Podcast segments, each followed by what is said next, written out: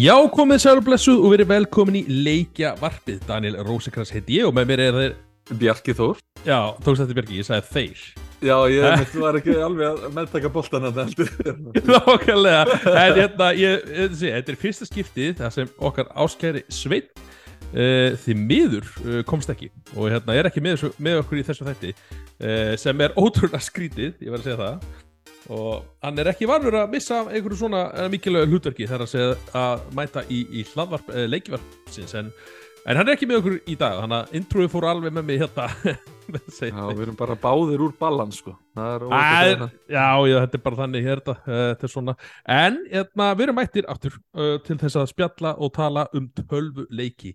Það er að segja, í umræð þáttar eins verður það við ætlum að tala um það sem búið er að gerast helst í sumar, það er hellingu búin að gerast. Og svona áður en við kerum boltan í það, þá hérna langar mér að spila því, Björki, hérna, hvað hefur þú verið að spila svona undanfarið? Herðu, það er nú bara beint framhald frá hérna frá því senast, það er hérna nýja seldaleikurinn að sjálfsög og eh, bara búin að klára hann. Bara svona ákveðin sorg sem fylgir því en, en samt bara mjög, mjög, mjög ánæði með það. Já, þannig að nákvæmlega. hefur svona fátt annað komist að sko, jú, ég kíkti aðeins á hérna Island of uh, Winds demóið og Final Fantasy 16 demóið. Já, ok, á hans að kafa eitthvað mjög djúft í það en, en, en já, Zelda bara hefur átt hugminn og hjarta undan fennar vikur. Nákvæmlega. Þú gast ekki orðað þetta betur fyrir mína hönd það er að segja uh, Tears of the Kingdom það er að segja, ég er búin að liggja svolítið í honum. Mhm. uh, postaði heldur Twitter og hérna aðra staði að, hérna, eins og segi, ég kláraði leikin uh, yfir 145 klukkustundir, það er að segja að klára söguna og mest allt sidequest sem ég gætt fundið. Uh, og þar á ekki lánaði ég PlayStation 5 tölunum mína, það er að segja ég lánaði bróðum minn til að spila held ég, já, já, held ég, hann spilaði nýjasta God of War leikin uh, langaði frekar að spila hann á PlayStation 5 heldur en Play- PlayStation 4 og þannig ég hafði ekkert aðurnað að velja um það er að segja konsul þannig að ég, þetta var svona byggð en, en eins og segi, ég er bara búin að spila Zelda og klára hann og sumulegis og, og þetta er svona eins og nefndir að þetta tómarúm sem fyllist þegar maður klárar mjög góða törleiki þetta, veist, það gerist ekki oft til mig. Núna væri bara, þegar kreditlistin var að rúla þá er ég bara Æja, hvað ég gera nú við líf mitt? Já, en, já ég, var reynda, ég var nú reynda með PlayStation 5 töluna heima hjá mér tengda sko. Já, en já, ég, ég, hún hefur ekki verið jafn lungu frí og núna sko það var bara Nei. ekkert kveikt á henni þessa vikur sem að, að, að Zelda var í spilum sko. Nei, akkurat, ég, hérna, ég leiði þess að gerast það, þetta gerist svona, já, 5-6 ára fresti, þannig að þá hérna e, kúplum út á öllu leikjum til að spila e, þannan e, eina serju sem ég er mjög aðdándi á, eins og kannski, já, fólk veit um. En hérna, já, við ætlum að tala um töluleikjar, uh, töluleiki og við ætlum að ræða sagt hérna uh, showcase-in, þeir eru, ó, þeir voru nokkur. Við vorum að tala um hérna, það var hérna Summer Games Fest og svo vorum við að tala um Expo Showcase og alltaf aðeins að fara Nintendo Direct uh, smáið það sem Ubisoft og Capcom voru að kynna. Þannig að þetta var svona að reyna og segi, eh, þetta verður, verður strempið því við fyrir okkur hrætt vefnið. Uh, ég er að hlusta á hlaðvarp þess að þeir eru að tala um bara tvö af þessu showcaseum á þremu klukkutímum en eins og segi, ef hlustundi myndi vita það að við verðum að spjalla hérna um töluleiki í þrjá klukkutíma uh, þá væri kannski ekki mikið áhorf eða hvað sem er, hlu, áhlustanir hlustanir á þættinum. Eða, Þetta segir sem svona leiðilegur? Nei, ég, er, ég, ég, ég fíla það rosa mikið, eins og sé, þetta hlaðarp sem ég hlusta alltaf þrý klukkutímar, uh, ég fíla rosa, ég hlusta ekki allt í einu, tek kannski hálftíma hér og hálftíma þar og svo kemur bara nýtt topic alltaf þegar ég kveikja því, þannig að, já, eins og sé, þeir eru líka, eru, sé, þeir vinna við þetta, þannig að, maður er ekki alveg þar ennþá, eh, einhvern svona, nei, nei, uh, nú og döfinni, svo hérna, þú nefndir eitthvað demo á það, ekki, hérna, Islands of Winds, Jú, Island of Winds þarna frá Paradí uh, töluleikjafyrirtækinu, íslenska töluleikjafyrirtækinu. Þau voru sett með uh, voru með demo í gangi í eina viku þarna í lok uh, júni Já. sem var hluti af svo köllu, hvað heitir þetta Steam Steam eitthvað, þetta er svona uh, verið, það er svona uh, töluleikir að, að vera að kynna væntalega töluleiki og, sumi með demo og svona. Já, þetta er Og- Steam Festival eða eitthvað, þetta er eitthvað svona, eða fest, eða, ég er kannski bylla, þetta var eitthvað, einmitt, þeir eru að kynna eh, nýja leiki og gamla og bara, eða ekki, eitthvað svona, Jú, jú, þetta heitir uh, Steam Nestfest Ah, já, next, next já, já. Nestfest, já. Já. og það var alveg hellinga leiki sem voru að, að hérna, sína og þau voru sett með demo uh, ég held að þetta sé alveg öruglega fyrsta demoð þeirra svona, þú veist, opið öðrum akkurat Já, þannig að þau auðvitað verið með einhver lokuð demo á, á sýningum og svo auðvitað eru einhverju alfaspilar og eitthvað svona uh, en þau voru sett með opið demo og, og ég náði nú ekki alveg að klára það sé að búið að loka fyrir þetta, var bara í eina viku. Já. og uh, ég náði að spila svona held ég eh, klukkutíma, mögulega aðeins meira. Og það er bara ég- mitt, eh, mér finnst þetta virkilega flott og skemmtilegt. Maður sá hérna hvað var svona ríkt íslenskt element í þessu.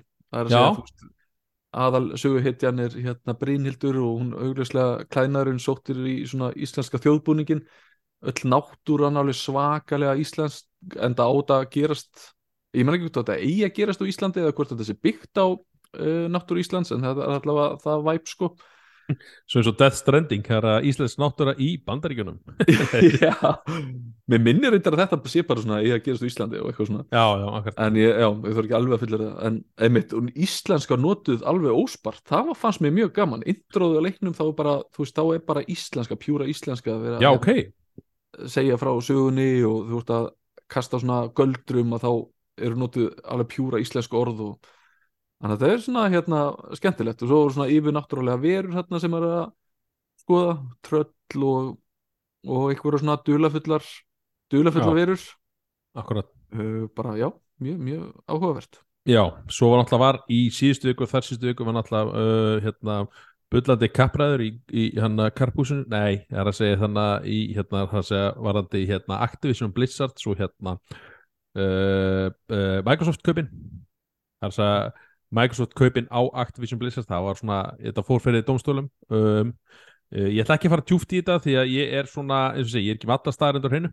Uh, og þessi mál er ekki alveg lokið, ég held að verði uh, lokið úrskurður í þessari viku með þennan þar að segja FTC sem er hérna vá, ég veit ekki eins og hvað stendur fyrir. Þetta er allavega svona þeir vilja minna það að þarna er vera einhver einungu gangi og þeir vilja stöða þessa, hérna, þessi kaup. Og þetta leit svolítið illa út fyrir þau svona og lokinn og, og Sony og já, allavega. Eins og sé, við kannski ræðum þetta í næsta hætti þegar svona endaleg úrskurður er, í þessu máli er hérna uh, fallin, fallin segjum við það og hérna sleginu borðið og þannig, já, bara gaman að fylgjast með því. Ef, þið- ef þið hérna, eins og sé tjekkið á netinu eða Twitter og, og fylgjast með þessu þá hérna, er þetta svona áhugavert uh, e e efni.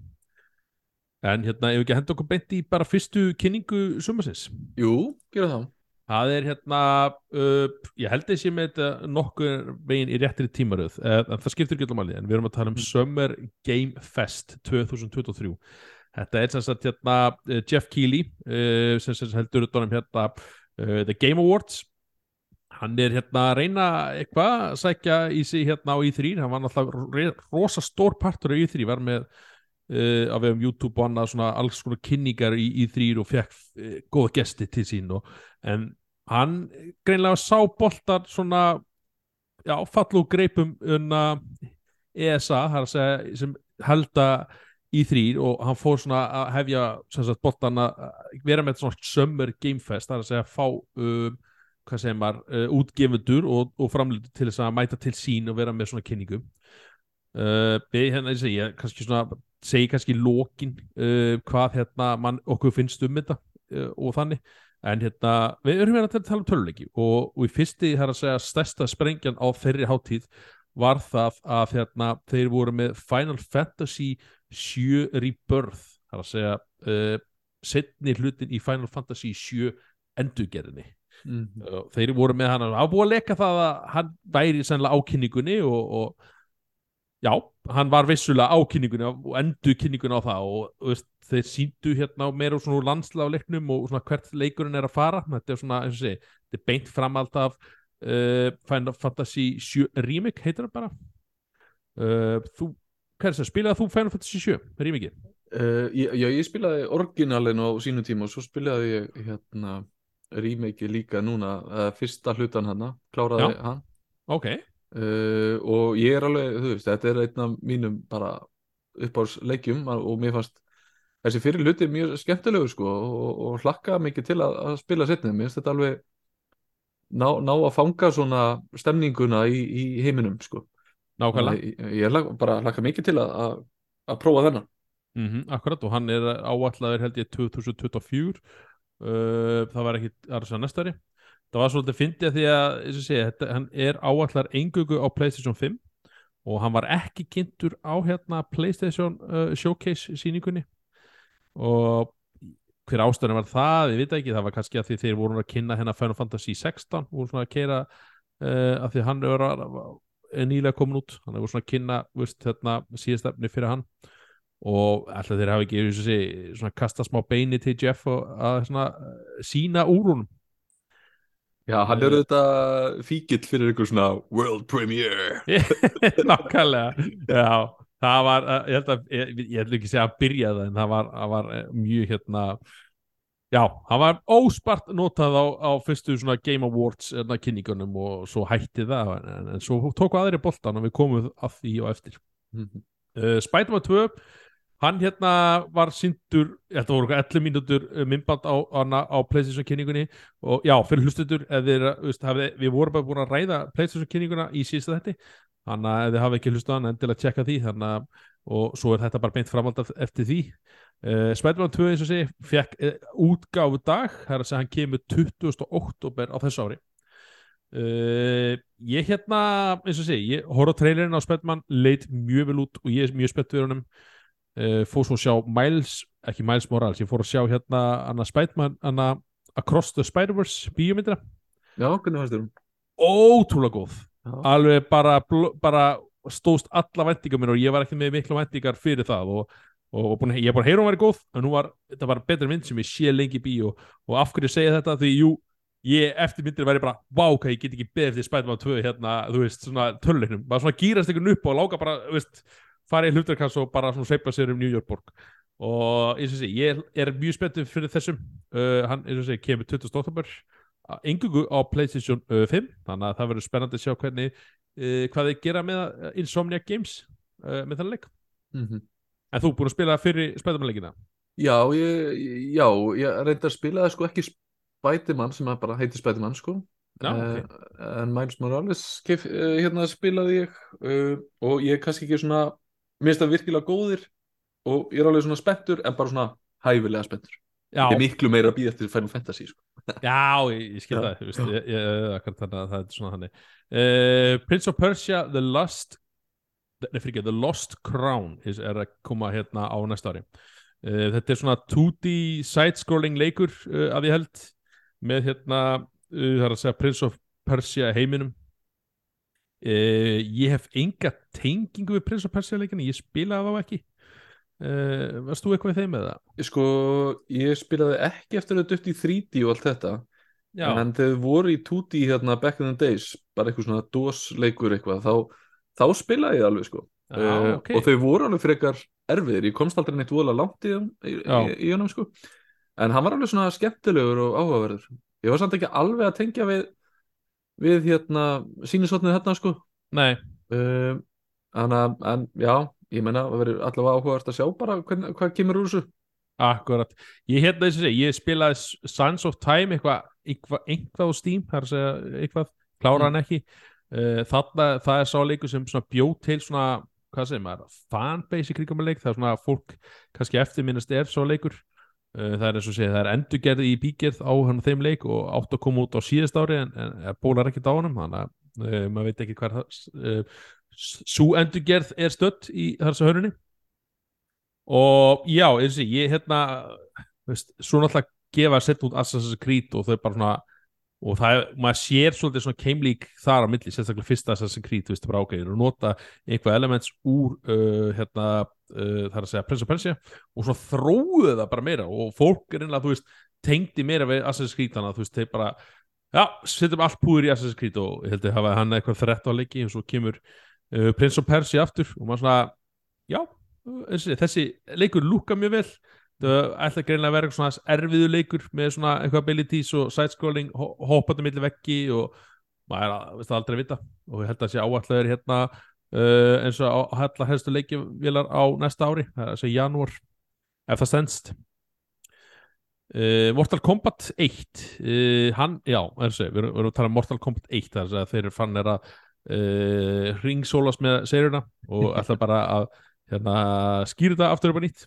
Og ég held að sé ekki fyrsta skiptið uh, þetta skiptið það ekki nefnum máli. Þetta er bara slagsmálarleikir uh, af bestu gerð. Og fyndi að segja frá því voru, ég held að byrjiði kynninguna á hérna þessum leik. Og hérna og veistu, ég var horfðið fram í stofu og börnin voru inn í stofunni og svo byrja að byrja trailirinn að borta kombat ég bara, já ég stefnum, sjá ekki og eitthvað svona forðandi forðanskjáður með að vera að rífa inniblið úr og kyrkja mann og annan við hérna Það er einmitt, einmitt ótrúlegt með Mortal Kombat, þú veist, að þetta er nú, þessi seri á nú á sér langa sögu, sko, að þeir hafa, þeir hafa alltaf náð þessu edsi, sko, þeir alltaf, þeir eru ennþá með þetta, þeir eru ennþá þannig að ég horfi á þetta og ég bara svona, what the f, sko, þetta er svakalegt og þeir einhvern veginn ná alltaf að viðhalda þessu ógeði eða þú veist, Já. baskilur, þetta er svona, þeir eru að búa til hérna bara svona, í and- anda, hvað þetta er að tínu eitthvað, þetta er bara ofbeldið listformið þeirra þarna, sko. já, veist, og svo þetta er svona allt tölvuteiknað og, Já, og ég, eins og því, þeir sáu þetta fyrst þetta í Playstation 4, ég var bara, uh, mér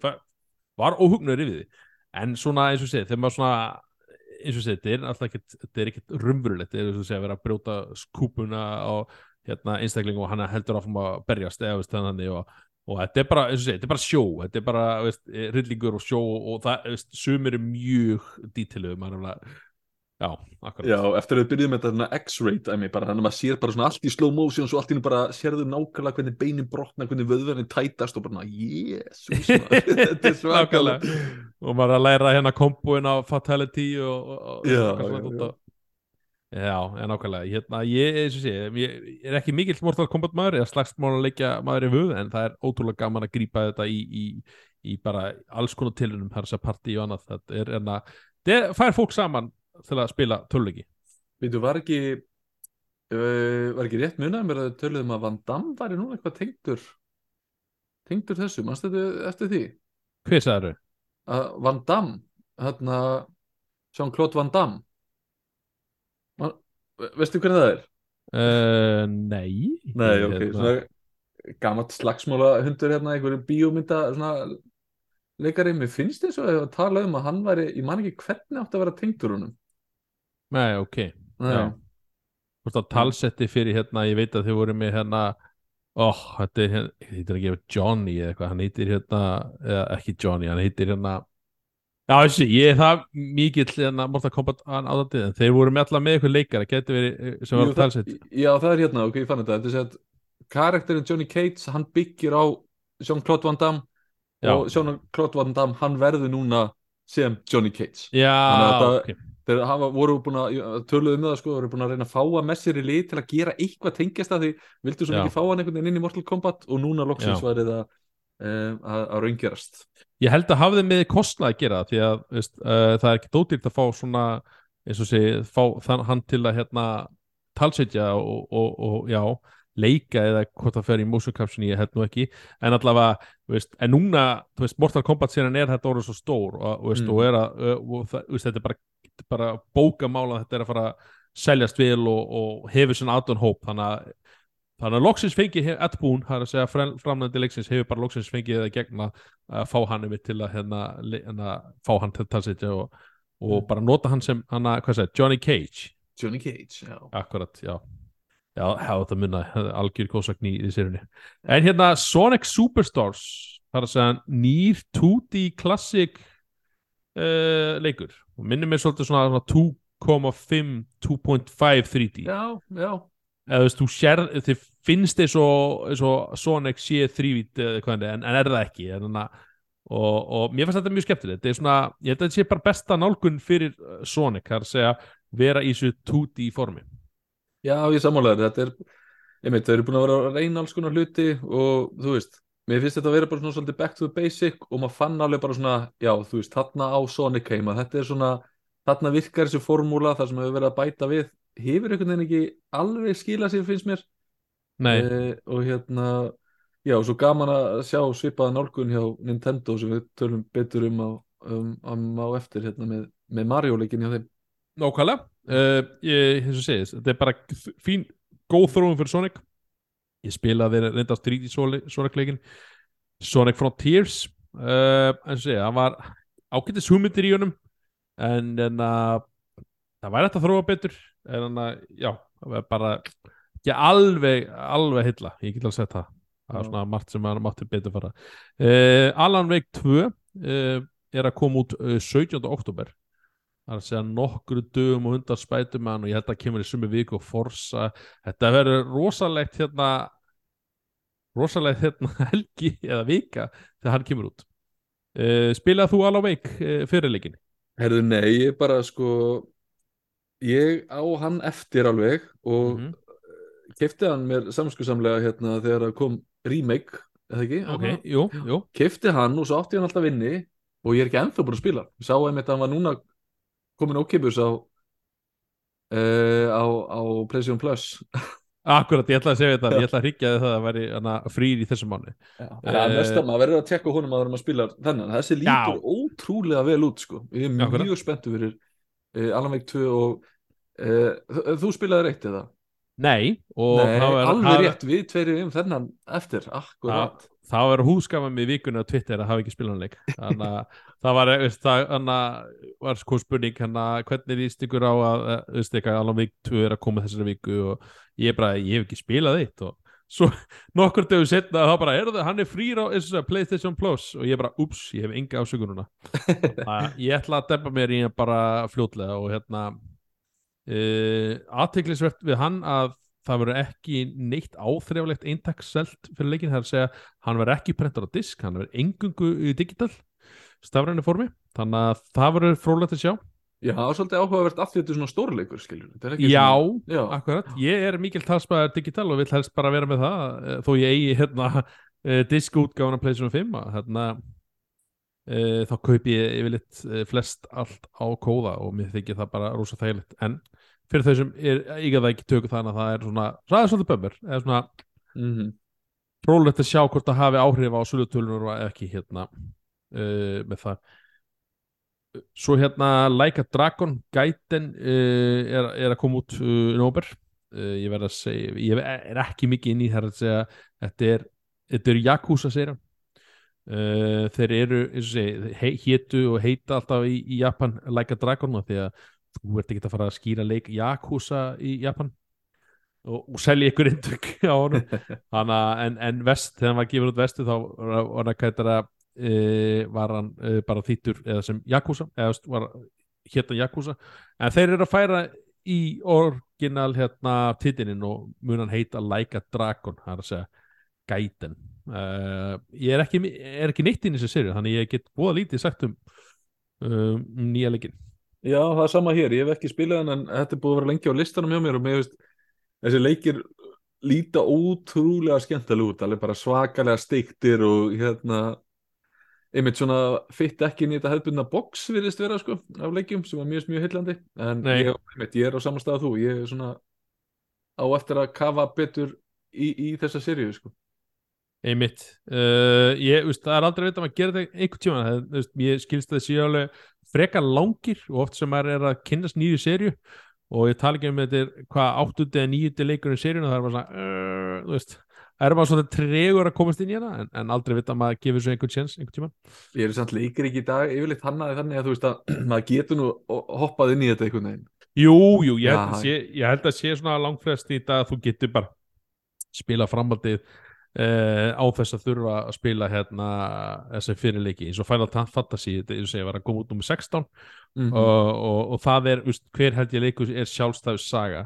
Uh, þannig að eins og sé, já og ég held sé svipa með uh, Yakuza leikina, jú, það eru sömu aðalpersonur stundum Mhm. og, og þannig en ég held þú þurfur ekkert að vera búinn þó kannski kynnist personun alltaf frekar með það að taka alltaf sérina og já, svo voru einhverju sparri leikir eins og Palworld uh, ég held að heiti Palworld þetta var svona eins og Pokémon leikur allt inni voru þessi kastar verum og þeir taka bara prískota byssur og okkur vélbyssur og, og svo, já, bara tróða okkur byssum í leikin uh, hann er í bandaríkjum nei, jú, neða það veit aldrei.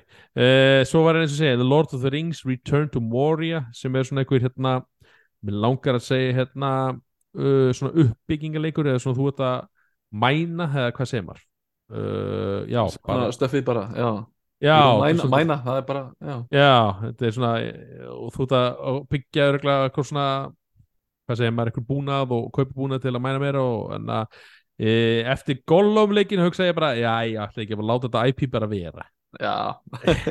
setja í fristi Eh, í smásund Já, veist, jú, jú, veist, ég er ekki að segja að mér langar ekki í Lord of the Rings leiki en það þarf að vera eitthvað finnst mér juicy og, og, og svo líka vott með Lord of the Rings uh, þegar þú býr til Lord of the Rings leiki eins og Gollum þú veist alveg hvernig þetta endar þú veist, Mm. Gollum er ekkert að fara að ná hérna, uh, ég er ekki að segja, ég er ekki að spóla leiknum því ég hef ekki spilað hann en ég er að segja, þú veist, Gollum er ekkert að fara þú veist, yfir, taka hringin og eitthvað við vitum hvernig myndin er enda eða þú veist, Já, og þá Þarna- þarfstu líka að bjóða upp á það góðan leik að, að sagan fer ekki að skipta máli, þú veist Nákvæmlega, ég held Já. að besta dæmi það er alltaf hérna, uh, hvað heitaði leikinir hérna, Shadow já, akkurat of Mordor, Sha- já. Shadow of Mordor, þá ertu með Já. svona hliðarsögu sem er, ég held að sé ekki kanon en þú veist, þú ert með persónu sem er búin til í Já. þessum heimi og getur svona hliðrað til um það, þannig að Já, mjög góður það er mjög gott dæmi uh, Fleiri leikir uh, það er að segja Baldur's Gate uh, ég man ekki hvort það kom einhver bara trailer eða hvort það kom dagsinning uh, en ég held að það var komin dagsinning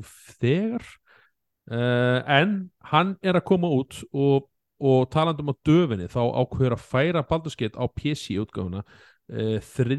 ágúst hann átt að koma út held ég eða, eða fyrstu vikun í ágúst allavega Uh, hann átt að koma út hérna uppruna 7. september eða fyrstu aðra vikun í september og þeir ákveðu bara hei, að því starffíld er að koma saman við sem viku færum hann í, í hérna uh, já, viku, nei fyrir ekki mánuð fram í tíman uh, PlayStation 5 útgáfan verður ennþá gefin út í september og svo kom eitthvað sta, statsu tölur um hann, ég held að sé 170 klukkutíma kött sína leiknum og stjarflega Já. fræðilegar hérna uh, það er að segja hvort það sem voru að þú tekur all talið í Lord of the Rings bókunum og þáttunum og þá er það þrísvarsinnum stærra heldur en alla myndina til sama. Þetta var eitthvað, þetta crazy. Og uh, uh, fyrir svona að því alltaf það er til rosa mikið fanbase fyrir hérna Baldur's Gate. Ef þetta væri eitthvað nýtt fyrir mig þá væri bara að þetta er kannski fráfnandi að þetta er of mikið. En, en þarna er þetta, ég held að vera geggja pakki en það geggja fyrirtæki sem eru búin til uh, þennan leik byggur til hérna uh, vá, það stóluðu mér hérna akkurat núna uh, PC-leikin uh, ég kem að þið eftir, það er alltaf ekki en, þeir eru með geggjaða hérna bara, og góða reynslu. Þannig að þetta, þessi uh, Baldur's Gate er bara í geggjaðum höndum Uh, fengum hérna Twisted Metal hérna, þetta er trailer uh, er bara, ég vil eitthvað ekki ræðmann, af því mér fannst bara ekkert áhugavert uh, við þann trailer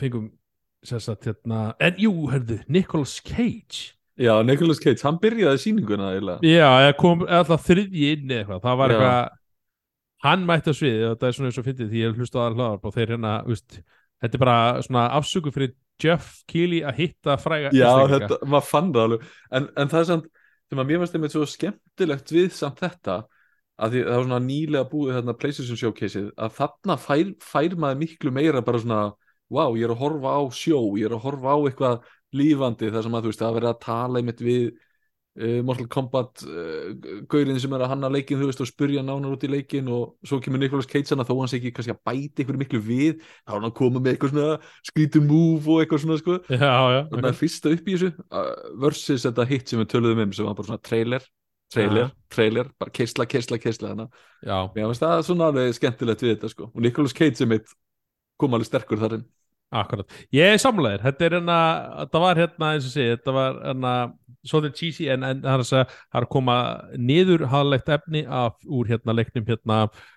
Hvað heitir hann? Dead by Uh, Daylight. Dead by Daylight, já, akkurat. Uh, um þetta skráði hjá mér og bara týndi en já, hann er vist uh, ekki þorpari en hann er svona söguhetja í honum.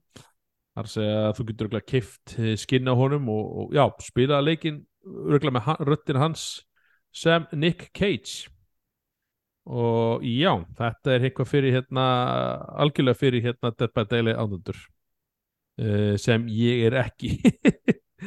Uh, ég, jú, ég hafði hafði ágætlega gaman á hann en hérna, ég hef spilað uh, nokkuð skipti með Game TV annað en það er held ég bara eitt game mode í leiknum og mér finnst það svolítið svona yeah, eitthvað svona en, en svo er til að- að spilar sem spilar ein, þetta engungu eða bara ja, ótrúlega mikið þannig að þetta er klárlega markahóparinn fyrir það Mér finnst þetta alveg skemmtilegu leikum til að fylgjast með öðrum spila. Þú veist svona strímaði mitt. Já, ef þú, þessi, ef það er áhugavert og svona skemmtileg svona uh, krúan á bakvið, þá er ég, Mhm. ég er sammála því. Það er svona, ég er kannski meira gaman að horfa á hann heldur en að spila nokkuð tímann.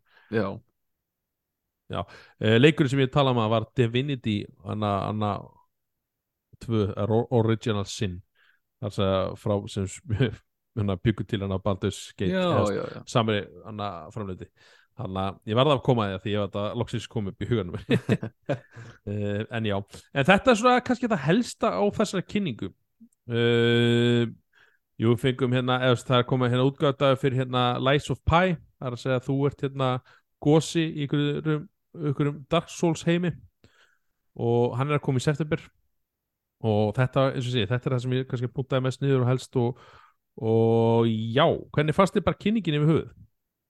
Ég fannst hún einmitt eins og ég segi, bara góður hristingur eftir þarna PlayStation kynninguna sem var einmitt Mhm. svolítið auðgleymanleg, mér finnst þetta svona standa betur upp úr skemmtilegri kynning og mér finnst bara þegar maður tekur þetta líka svolítið saman sko, þú veist, maður er búin að sjá PlayStation kynninguna, maður sér Summer og svo erum við að fara að tala um Xbox og, og hérna og Nintendo Já, að þá fær, fær maður bara svona herði, oh my god, nú, nú er góð keisla komin í gang, sko, nú er allt fjörið að fara að byrja aftur sem maður hefur ekki séð núna alveg í, ekki svona mikið upplifum leikjum uh, á frekar stuttum tíma. Akkurat. Ég hérna, ég horfði á kynninguna eftir vakt, eftir vinnu og ég var svona greinlega uh, búin að, já, sofa lítið í dag, nótina áður og ég horfði á þetta og ég var svo sopna í sofanum þannig að ég hérna fór á Twitter og sagði bara þetta var nú meiri snús game, summer game snúsfestið maður. Þannig að kannski mér að kenna. En fyrir mitt litið þá eins og segi þetta er, ég veit ekki, ég hafði voða litla væntingar, ég passa mig svolítið svona að þannig en en það var ekki eitthvað eitt þennan sem var eitthvað, þú veist, alveg nelda niður. Uh, að segja, jú, jú, það var það, það var dagsinning á Spiderman. Ok, við vissum að var að koma í, hana, í haust. Svo var hérna alltaf Final Fantasy og, og já, það var kannski að stærsta einhvern þannig er svona stærstu hérna pútanir. Uh, það var búið að sína eða alltaf var komin hvort það var komið trailer fyrir hérna kynning fyrir hérna Mortal Kombat og eitthvað svona. Þannig að, eins og sé, ég, við fannst þið pínu svo lettan og það kannski Uh, veist, erfitt að segja, það, það er gott hún nefndir það, veist, Jeff er náttúrulega að reyna að fá alla saman og, og, og tala viðtal við hérna framleitur sem er þetta mjög skemmtileg vink, vinkill á þessu og, hana, og fá svona leikiframleitur eins og Ed Boon og hana, bara koma á svið og kynna Mortal Kombat. Þú sér þetta ekki í hinnu kynningunum eða svona allavega minna. Og, en það er eitt sem galli við náttúrulega Summer Game Fest er að þú, veist, Jeff er að búa til það að segja þessa kynningu uh, kringum allar hinna kynningarnar Það er að segja, Microsoft er með sína kynningu Sony er með sitt efni Nintendo er með sitt efni og Jeff er að fara til þeirra alltaf herri, ég hafa þið eitthvað sína fyrir, mig fattari Já, ég, Og- já, Já, ég er alveg sammálaður að þú veist, það voru einhver svona uh, stórar eða eftirminnilega sprengjur beint, þetta voru svona gott sjónvarp sko, já, en það sem að tók mig alveg og ég bara hló í hver skipti upphátt því að það var svo prins inn í bein að það voru auðlýsingarnar já oh var, my lordy, þetta var bara pjúra YouTube, YouTube sponsorauðlýsing þar sem að allt í einu kynnerins fyrir bara að tala um bara eitthvað snakk út í bæ eða eitthvað sko. Að þú veist að það er bara þú veist að sumar auðlýsingarna bara voru bara ekkert tengt efninu en hann allt í einu bara inn í myndavélina í live show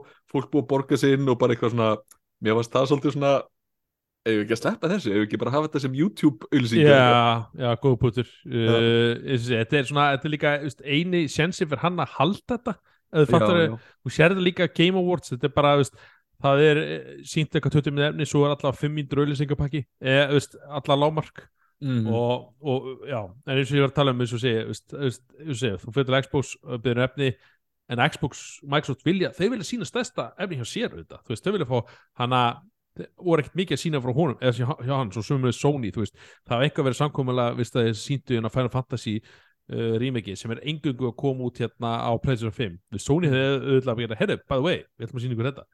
En já, þessi, þetta er alveg just, ég vil ekki að hætta þessu, ég er ekki að segja það en, en að, ég vil endilega hafa þetta just, þetta er svona, það næst þetta ekki sumu stemningu í því, ég er bara að viðkynna það eins og það var. Uh, en það, var, just, það er aldrei að fara að gerast aftur held ég, eða svona að fattaru uh, nema með, já það er að segja sú en að töfra, uh, hvað segja maður þannig að ég ætla ekki að segja í3 hafa alltaf verið eitthvað rosa frábært en það var bara, þú veist, það var bara Þetta þú er svona tölvuleikja komikkonið einhvern veginn Þetta Já. er svona, þú veist, ef þú ætlar á eitthvað þá datt fólki fyrst í hug, já, í þrý einhvern veginn Já, algjörlega, ég samla því, já, það er bara mjög góð og leið orða. Já, við höfum fleiri kynningar að tala um og, og við kannski hendum okkur beint í næstu kynningu af því að, já, Xbox uh, voru með, eða Microsoft voru með sína ein kynningu og það var Xbox Games Showcase uh, 2023 eins og þeir kalla hana. Uh, þetta er sem sagt liður þar sem Microsoft bara, já, er að kynna sitt væntalefni og, og maður lifandi. Þetta, þetta var æðislikynning, segja bara svona fyrirfram af því að þarna komu uh, þessar sprengjur sem við tölum um svona í þrý stemningin. Þeir byrjuðu bara á Fable er að segja frá Playground Games það er að segja að þeir hefa engungu verið að búið til hérna leiki á borði held ég uh, Forza, hvort það sé Horizon leikinir uh, eða kannski ekki alveg fara með þetta rétt en þeir voru alltaf búið til Forza leikina en þeir fengu það hlutverk að uh, búið til Fable. Og já, ég hérna ótrúlega gaman að sjá Fable hérna aftur á skjánu, spilaði þú ekki á Fable leikina? Nei, ég á þá líka inni en Já. hérna, einmitt, uh, mér varst þessi trailer bara mjög spennandi og hérna, ég er mikill aðdáðandi að IT-krát, þannig að mér varst mjög gaman að sjá hann Richard hana úr IT-krát Já, nákvæmlega, akkurat þannig að þú Hérna- bara leytið mjög vel út en, en þú, spilaði þú Fable? Já, og það er Já. bara félag minn hérna þau kynntist og hann bara upp á leikja sér hans var Fable og ég er náttúrulega þurfti að gefa sér séns ég spilaði Fable 1 um, þetta ég spilaði hann tvisverð gegn allavega og Fable 2 spilaði einhvern tíman þið fekk hérna eitthvað Xbox lánaða. Hef ekki spilað Fable 3 ennþá en mér skilst að hann sé svona sístur aðeim en samt svona, við vorum að fara einhverja alltaf rátt með hann og já. En, en núna er þessi, er að bara leggja nýjan grunn á Fable-leik uh, þessi Fable náttúrulega er bara hvað sem að, eh, ekki þjóðsagan er svona, þú veist hérna þetta er svona ævintýri, Já, þetta er svona ævintýri uh, eins og þarna sáum við í trailinum uh, Risa, það er að segja og verður held ég vísa í Jó og Baunagrassið uh, þú mætir hann sem líka lítið persóna og hann hérna, já þú þarft eitthvað að forðast hann og, og það var gaman að sjá þetta þú veist, í, í spiluna því að þeir vilja fullera það framleitir að þarna var actually verið að rendera í Xbox, það er ekki verið ekki vera í CG hérna uh, það er að segja fægra þetta, það er að segja þetta var allt í keislu og Xbox. Þannig að það verður spennandi að sjá hana. Og endilega hérna, eins og segir hlustutur uh, ef þið hérna viljið uh, virða fyrir ykkur en það sem við erum að segja uh, þá endilega checkið á YouTube eða trailerum á þessum kynningum, þannig að er að segja leikjum sem við erum að kynna. Og ef það er eitthvað sem ykkur það lýst endilega, góð vel á, endilega kíkja það. Að þetta sé, það er margt svo stórfínt og gott og, maður verður bara að sjá sjónand í minnbandi uh, eins og sé, Fable hann er að, hann kom engin dagsinning uh, það er væntalega vegna þess að ég held að sé alveg sko komið kannski 2025 myndi ég Já, halda. þetta var svona eiginlega teaser eitthvað svona, þetta var ekki alveg ég veit ekki, þetta var Nei. ekki maður fekk ekki að sjá hvað, kannski, hvað maður átt að gera. Þetta var meira svona kynning bara að Akkurat. þessi leikur kemi út Já, þeir voru búin að kynna nú fyrir fyrir þremar árum ef ég mann rétt, veist, ok, við erum að gera Fable-leik. Og, og eftir, eftir kynningu eftir kynningu þá var alltaf, já, hvað er Fable, hvað er Fable? Þarna voru lögsins, veist, já, Fable er ennþá til, veist, þannig að Mhm. uh, býðir róli svo hérna er að fá hana Cyberpunk 2077 Phantom Liberty uh, það er að segja, er að fá er að fá, hérna, Cyberpunk er að fá hérna viðbótar auka pakka fyrir hérna söguna uh, þá fáum við hana Idris Elba. Hann kemur hérna inn hérna sem ykkur karakter í leikin þannig kom einmitt Keanu Reeves líka bara og, og sá svolítið um kynninguna svona eins og Nicolas Cage gerði hérna Alveg Summerfestinu. alveg rétt. Alveg rétt, þannig að hann er tóga svolítið- stjórnundar inn í þetta sko. Já, hann fílar að vera á alltaf sérstaklega eftir hérna You're breathtaking hérna. Það var- það í því moment. Já, akkurat. Þegar ykkur hrópar í salnum eitthvað You're breathtaking og Kenny Reeves bara No, you. Mjög hann er legend sko. Hann er legend, hann er góðsinn í bransunum Ég hef ekki sagt það, það er alltaf eftir þetta. Uh, eins og segi, hann er að fá hérna viðbótarumfæslu uh, hann er að segja 27.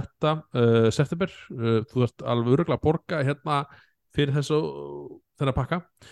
En hérna, eins og segi, Cyber nei, CG Projekt Red hafa verið að koma virkilega tilbaka með, með Cyberpunk seríuna og ég á hann alveg inni ennþá. Uh, ég sé, byrjaði að spila hann á PC var búið með svona eitt þriðja. Svo bara var ekki vélið mín að ráða nógu mikið við hann, en ég svona hætti. Og svo kom PlayStation 5 uppfæslan að hef ekki ennþá gefinu séns, en mér skilst að séu að fara að gjörbreyta spiluninni í hérna Cyberpunk hvernig, hvað varðar hérna þú hvernig levelar hluti og, og hérna byggja karakterinn og, og alls konar eigileikar þannig að ég hlakkar rosa til að geta gefið því sérst og ég hafi ekki spilað uppruna eintakið. Að viti þar að segja.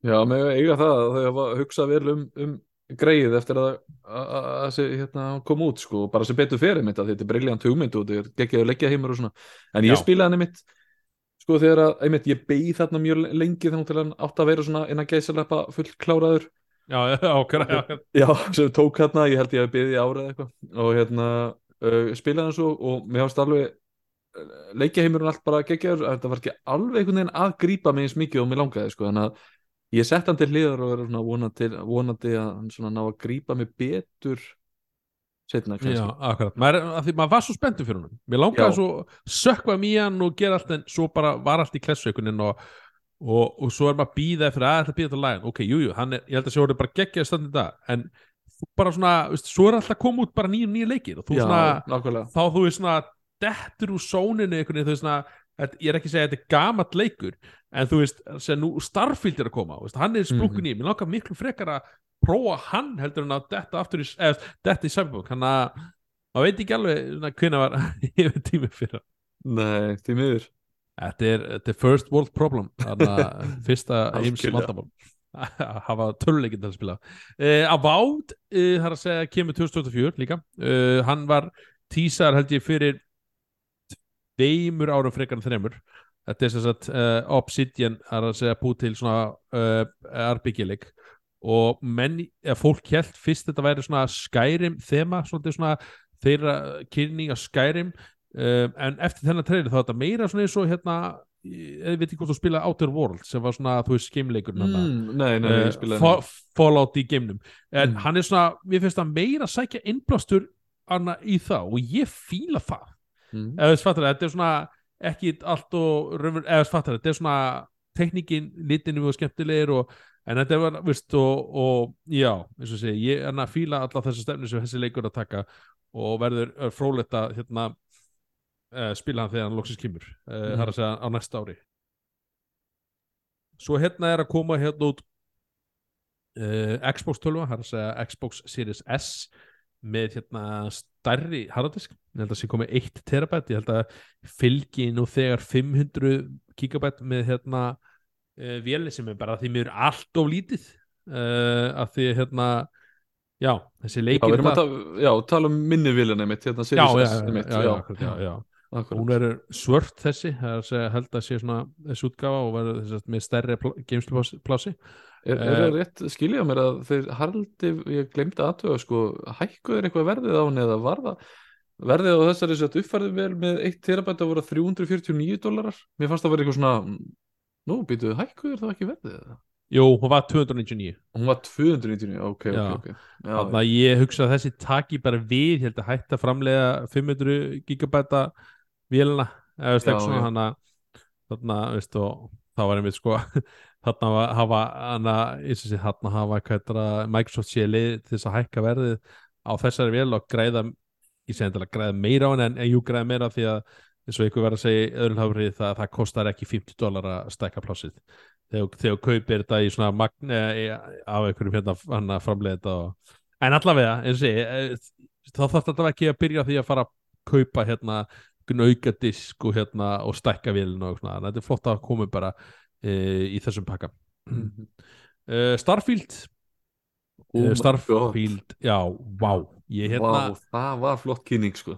Ég, veist, það fer en það, við ætlum ekki eitthvað að tala eitthvað mikið sérstaklega það veist, við, jú, við tökum bara annað þátt um Starfield það, það er hreinu.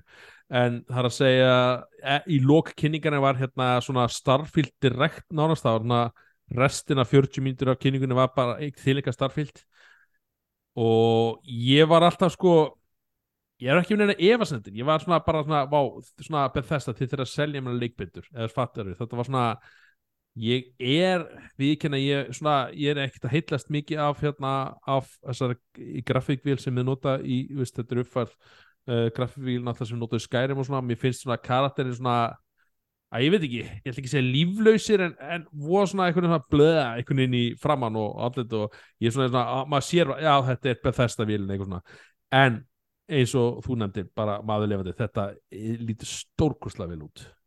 Já, ég var líka með þennan leik sko, ég hef alltaf haft það svona bak við eira, það var eitthvað svona, já, ég er alveg spenntu fyrir þessu, ég er alveg spenntu fyrir þessu, ég menna, ég elskaði hérna Fallout leikina og maður er með svona smá svona tengingu við það einhvern veginn við þessa æfintyra heima en sko, en ég hef aldrei verið samt eitthvað að deyja úr spenningi sko, en eftir Nei. þessa kynningu þá var ég alveg þar, þá var ég bara oh my god, veistu, ég er að fara að flytja úr mínum kjötheimi hérna og ég er að fara að flytja þarna í þennan heim. Og þetta hljóma samt svolítið þannig leikur eins og við vorum ekkert að tala um hérna sem þetta er selda, þú veist, þegar maður, að, hérna, maður ætlar að fókus á eitthvað mission og allt í unum að komin í auka mission og út frá því eitthvað þriða mission og svo mann maður bara ekki lengur sér einmitt stærðin á þessum heimi í Starfield sko, að ímynda sér að þe- þetta er að vera væpið í þessum leik eins og kom fram í Nákvæmlega. kynningunni þá var svona, oh my god, ég er að þú veist, það hljóma svona eins og veist 500 klukkutíma spilum sem bara eitthvað lítið. Þú veist, það, það er væpið sem að fætt Ég held það, þetta verður svona eins og ég held að sé ykkur 10.000 plánutur í þessu leik eða eitthvað veist, og, og það oft svona er ekkert voða heillandi fyrir mig en einhver síður þetta er bara þú veist að geta rannsaka heiminn og, og þú veist þú getur customisa karatinn og gameskipið og ráðið áhefnamiðlimi og reynt við áhefnamiðlimi og veist, þetta er bara eitthvað, alltaf mikið í þessu og ég, bara, ég fíla það. Þetta er svona, og þetta er svona algjör draumur fyrir svona já, svona game áhuga fólk eðast í töluleikjum og svona. Mm. þannig að ég get ekki beðið til þessum leik og ég held að þetta er svona, svona minn svona stærsta ratanum þess altså Starfield og Spider-Man 2 og að því að Starfield er bara nær þannig ég er miklu spettari fyrir honum eins og er. En er það rétt skilið hjá mér að hérna er, er Starfield að fara bara er að verður hann ókipis á Game Pass? Er það stemningin í þessu? það er stemningin. Það er svoleiðis. Jésús, það er bara frábæra frétti sko. Nákvæmlega, þetta er bara sem Microsoft segir, þetta er Game Pass leikur. Já, Þannig að ég þarf ekki að borga krónum fyrir hann en ég þarf áskriftin vissulega, jú. En svo náttúrulega hafa verið auka hluti í kringum leikin ég held að þessi fullt af leiki sem eru kaupa, kaupa hann á disk og þá sérstaklega sveit vinnur okkar því að já, hann er safnari og hann, hann kaupar á disk og hérna, við erum alltaf að flissa aftur á honum og að tjóka og hérna ég, hann er að patta leiki utan eða, eða hér og þar og ég er bara, eh, ég er bara með hann í kóða heim hjá mér, ég er bara að setja hann inn og ekkert vandamál. Nei, nei, að hérna er flott hérna, hann að yngur sér hann að Þannig að- og svo náttúrulega hirnatól og, og fjastring alveg guðdómlega flott enna fjastring og hirnatól með þessu ég er ekki alveg þar af því að ég bara á mikið drasli og hérna Svo, einn- já, Já. kynntu líka þarna collectors útgáfana sem er með sem sagt úrinu sem þú notar actually í leiknum sem var, mér finnst það cool concept sko, en úrið ég veit ekki alveg 100% svona hvernig þetta úr virkar í raunheimum fyrir utan að vera bara úr, þú veist, er þetta þú veist, að því ég menna að snjallúr til dæmis eru svolítið þekkt fyrir það bara að sapna mikið af gögnum um notendur sko, já, akkurat púlsinn og heilsudæmið og allt þetta sko já. Þú veist, erum við að fara, erum við að fara að sjá leiki fyrirtæki í þessa átt eða er þetta bara klukka? ég held að sé bara svona sapnútgáð einhvern veginn eða, veist, Já, þannig bara að, veist, svona sim. staðan staðan fyrir að gefa út einhverja styttu eitthvað, þá fyrir að já. kjarna aðdöndur að kaupa úr og, og ég, já, mér finnst líka góð regla. Ég, held, ég hef engar ágjör starfið ég, svona, það er svona þegar maður kaupir töluleiki þá er svona, veistu, svo er að kynna það fyrst. Mm. þá þóri ekki að kaupa Collector Edition ef leikurinn skildi sökka. Ég, ég, ég, svo að fyrst að fremst var að þegar Titanfall kom út þá komur svaka stitta af hérna, einhvern veginn Titan svo gætt kipt og ég bara þorði ekki að ég var gæðu peppa fyrir sérunni en það er ein mín best, bara besta svona uppáhald svona, svona first person skotleikja hérna e, serja og ég kefti ekki stittuna af því að hún var líka bara rándýr. Uh, en ég þorði ekki bara, veist, ef leikur sökkar, vill ég eiga disk eða stittuna hennar en hann sökkaði svo sannlega ekki hann að ég mista henni og það er nú bara uppsprengt verð á eBay í dag og ég tími ekki að kaupa hana. En ég kefti samt hjálminn fyrir Titanfall 2 og ég sé ekki eftir því. Ah, þó að það, eins og sé, þannig að vissi, ok, þetta er serja og ég elska hana, ég ætla að kaupa hjálminn já, og hérna, eins og þetta er hérna uh, já, og þetta er svona saman með Death Stranding, ég vildi ekki kaupa batnið í hérna, uh, í hvað er svona, í einhverju kerunni eða tú, hvað þetta var hann að geimslu þú veist, það var já. þú gast kiftir einhverju dúkku inn í hérna þessu tanki.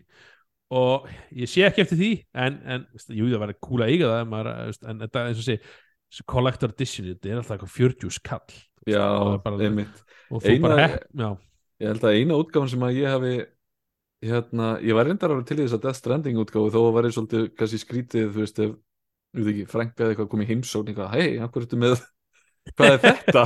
Nákvæmlega. Já, ég er að rækta börn eða eitthvað, ég veit ekki en, Já, en eina, eina útgáfan sem ég svona sé eftir að mista, mér man ekki alveg hvort það var reyndar svona eitthvað collectors útgáfa eða hvort þetta var bara sér hlutur sem hún seldur, það var hana Pip-Boy Já, jú, jú, Já. akkurat, já, já, já, ég, en, eins og sé, þá var ég ekkert inn í Fallout og ég hérna uh, kipta ekki, já, það var, það var svona töff og það hafa svona verið á plasti svona, Já, en einhver síður töff en að svona collector item og ég er saman því. Uh, Já, ég, mér langa ég kipti ekki, en ég sé svolítið eftir ég hafa kipti, ekki kipti hérna Death hana, ekki Death, heitir hérna Days Gone, það veist, hann liggur hérna hjá móturjólinu og zombie hlina veist bara, Mm. en ég var, ég var ekki fein að ekki kipta þá, en ef ég ætti það núna, þá ætti ég nánast allt og safni, ég bara, ah, það veist, já Ellie stittu ég með fílin úr hérna Horizon og ég með hana, Þórsaman og Kott og veist, veist, ég er svolítið sökkur fyrir þessu, ég bara viðkjörna það fúslega, þannig að það hefur verið að eiga til að, veist, eiga allt safnið einhvern veginn, já, ég skilji, en, en, en, en, þá, þá, hérna, fíla ég ekki leikinn og fannst ekki nógu verið þetta að kaupa hann og ég held að hann hafa ekkert að vera á útsölu á gimstun og ég held að hann var að selja þetta á eitthvað tíu skall. Og ég bara ég sé svolítið eftir að ekki kipta þá. Þú veist, en, en, en, en svo spurning að auðvitað á Íslandi, það er ekki einhver sem vilja rosa þessu við, við þetta Já, það er einmitt oft með þessar collectors útgáfur, þú veist, einmitt það maður kannski langar í þetta en, en verðið er alveg svona, þú veist, það tekur alveg á að taka þessu ákvörðun. Já, það er það sem er með svona pínu skemmtilegt með Amiibo kallana hjá Nintendo. Já, já þú, veist, þú, ert, þú getur alveg svona kift ykkur töff kalla sem er ekkert megabrótættir og kosti ekki alveg heilan handleik sko. Nákvæmlega, þetta tekur pláss allt saman. Já, akkurat. Þú veist, ég tel ekki það, ég veist, að, veist, að það er svolítið líka hausverkur að koma sér fyrir hversu hérna uh, hversu mikið getur augrað einkonunni að bæta stitt í hérna. Þú verður bara hérna. komin inn í þetta og hérna, ég held ángríns að að hérna, kona mín sem búin að spila selda meira en ég sko. Vá, ok, já, ok vel Já. ég. var einmitt að segja alveg, ég hefur engan á að leika jú, öruglega, en bara svona kýsa að velja tíman í annað en töluleiki, þú veist ekki annað en, en það er bara Já, svona já. það er bara svona uh, uh, Já, talaðu um stittur eins og segja að það komið fyrir. Uh, Nei, ég man ekki En hérna, höldum að fara með Nákvæmlega, höldum að fara með hana, efnið hérna, og, og við vorum að tala um hérna Expo-skinninguna Starfield, er að segja, hann er að koma út bara var 7. september eða eitthvað Það er alltaf í september og kemur á Game Pass uh, uh, bæði á PC og Xbox uh, Mér langar, þetta, þetta er svo fyrsti leikurinn ég get sagt þig Bjarki að mér langar að eiga Xbox Series X Já, herðu, vistu það? Að því ég var að býða eftir þessu umræðu svona í lok kynningarinnar einhvern veginn Já. en þetta er Xbox kynningin og sérstaklega Starfield hlutin Já. sem er í fyrsta skipti frá því Xbox kom út sem ég er bara ok að því mér langar það mikið að spila þennan leik að ég bara, ég er pína að deyja Já, og ég, mér langar svo ógeðslega mikið að spila hann á konsól.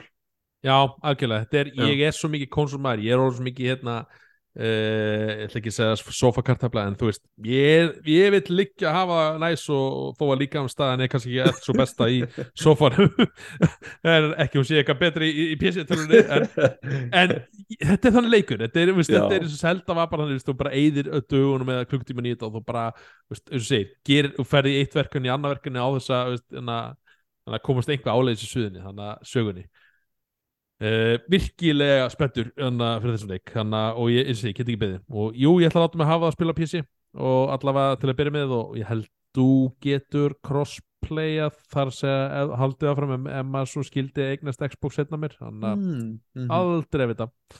Þannig að þetta er eitthvað fyrir alla. Uh, Ubisoft þar að segja þeir kynntu hérna á Xbox kynningunni Star Wars leik Star Wars Outlaws. Hann er að koma á næsta ári. Uh, Open Veröld skotleik, skotleikur einhvern veginn svona Star Wars. Og bara uh, gullfallur. Já, leit mjög vel út. Ég fekk bara strax kynningi verið í gangi hérna frá allra mínu besta félag eh, Bjarnar Ben, líkt þekta Bjarnar Ben. Hann komið bara fyrst sem sagði bara, eru, Daniel, er hann að koma annað en Xbox? Ég alveg, hvítið yngur vinur minn hann er að koma á Xbox Series X og hann er að koma á PC og hann er að koma á Playstation 5 þetta er bara þeir að kynna hann, ég held hann komi á Game Pass. Uh, Ok, já mér, ég þóri ekki alveg fullur það, ég er ekki alveg með púntana en þú veist, það er kannski er sölupunkturinn í þessu. Veist, af hverju hann er Xbox skýringinni en hann að einhver síður hérna, uh, þessi starfsleikur sem ég er rosabetur fyrir uh, var kynntur á Ubisoft kynningunni. Hann fengið aðeins meira smá, annað kynningun fá meira um hann. Uh, ég var ekkert eitthvað, ég var ekkert eitthvað degju spenningi í honum en svo, að, svo þegar maður heyrir hérna annað veist, og aðra að tala um það þá bara, já ok, þetta er kannski eitthvað sem maður þarf að, að, að fókusera en það er ekki fyrir á næsta ári, einhver síður þannig að uh, Ubisoft að gera góða hluti þar ég fíla það Mhm. Uh, Forza Motorsports uh, kemur í oktober uh, 10. oktober staðfestur það er svona þeirra sagt, ég held að að heiti bara Forza Motorsport alltaf verið með hérna, 7 eða 8 eða eitthvað svo ég held að svona bara leggja grunn á þetta. Og þetta er bara þeirra take á hérna Gran Turismo. Uh, og ég segi, þetta spila hann á Game Pass og Xbox og PC og já, algjör snilt og svo hérna einu leik sem held ég endu í kynninguna á uh, það var hérna uh, þar að segja þeir endu kynninguna á að sína úr leik sem heit Clockswork Revolution uh, Sást þú þann leik? uh, Vistu, ég bara man ekki eftir þessari kynningu. Nákvæmlega. Þetta er svona Bioshock vibe í honum. Þetta var svona, þetta er greinlega veist, Clockswork Revolution, þetta er frá InX InX, wow In Exiles Þetta er heiti fyrirtæki, ég reyna að bera fram rétt. Uh, Þeir gerðu leiki á borðið Wasteland Er þetta ekki leikina. Takk, jú. Já, það er svona stórt X, þetta er eitthvað svona fyrðulega sett upp í þeim Já, Já, já, eh, þetta er bara ég ná ekki að lesa úr In Excel, já, rétt sér Vá, þetta er hana hárétt og þeir hafa gera leiki að borði hérna, eins og segja, Wasteland 1 og 2 svo kefti Microsoft þá. Og, hérna, og þetta er svona þeirra uh, held ég bara hérna eins og segja, þeirra fara algjöru nýtt og ég er virkilega spenntið fyrir þessum. Uh, ég er mikil uh, Bioshock andóndi þannig að það er, er gaman að sjá hana því ég held að þú hefur verið svona áhrif á tíman það verið gaman að sjá hvernig það gerist. Þannig að þetta er svona steampunk hérna þema og, og þú getur farið hérna aftur í tíman og brey- breytt ykkur aðgjörum og svo ferð aftur í nútíman þá verður breytist þar að hefur afleggingar ef þú ferð aftur í tíman og, og breytir ykkur questi að gera ykkur verkefni og ferð svo aftur í núverði þá er verður breytt. Það er svolítið svona að vera að vinna með tíman og, og, og mér fannst það rosalega hérna uh, spennandi. Þannig að endilega tjekka á teirunum þetta er algjörlega fyrir mig Bioshock uh, aðdóta eins og mig. Þannig að tjekka á honum. Og einmitt uh, Game Pass on day one hérna? Já, það er að segja, það er, ég- þeir held ég langt flest á Game Pass það sem er að kynna, svo hérna er að koma hérna einhver Sea of Thieves viðbót með sögunni, það er að segja hérna Monkey Island, eh, einhver samsending uh, svo náttúrulega Microsoft Flight Simulator er að fá hérna uh, einhver pakka úr það er svo getur við þyllur þar og ég held að sé, ég held að sé bara að koma nýr Microsoft Flight Simulator Já, 2004 maður minna það Já, Já, ekki DLC, þetta er bara svona, já, hann alltaf kemur að Game Pass, þannig að uh, ekki auðvelt að, ekki erut fyrir hann aðdóttur að að kemur svo því.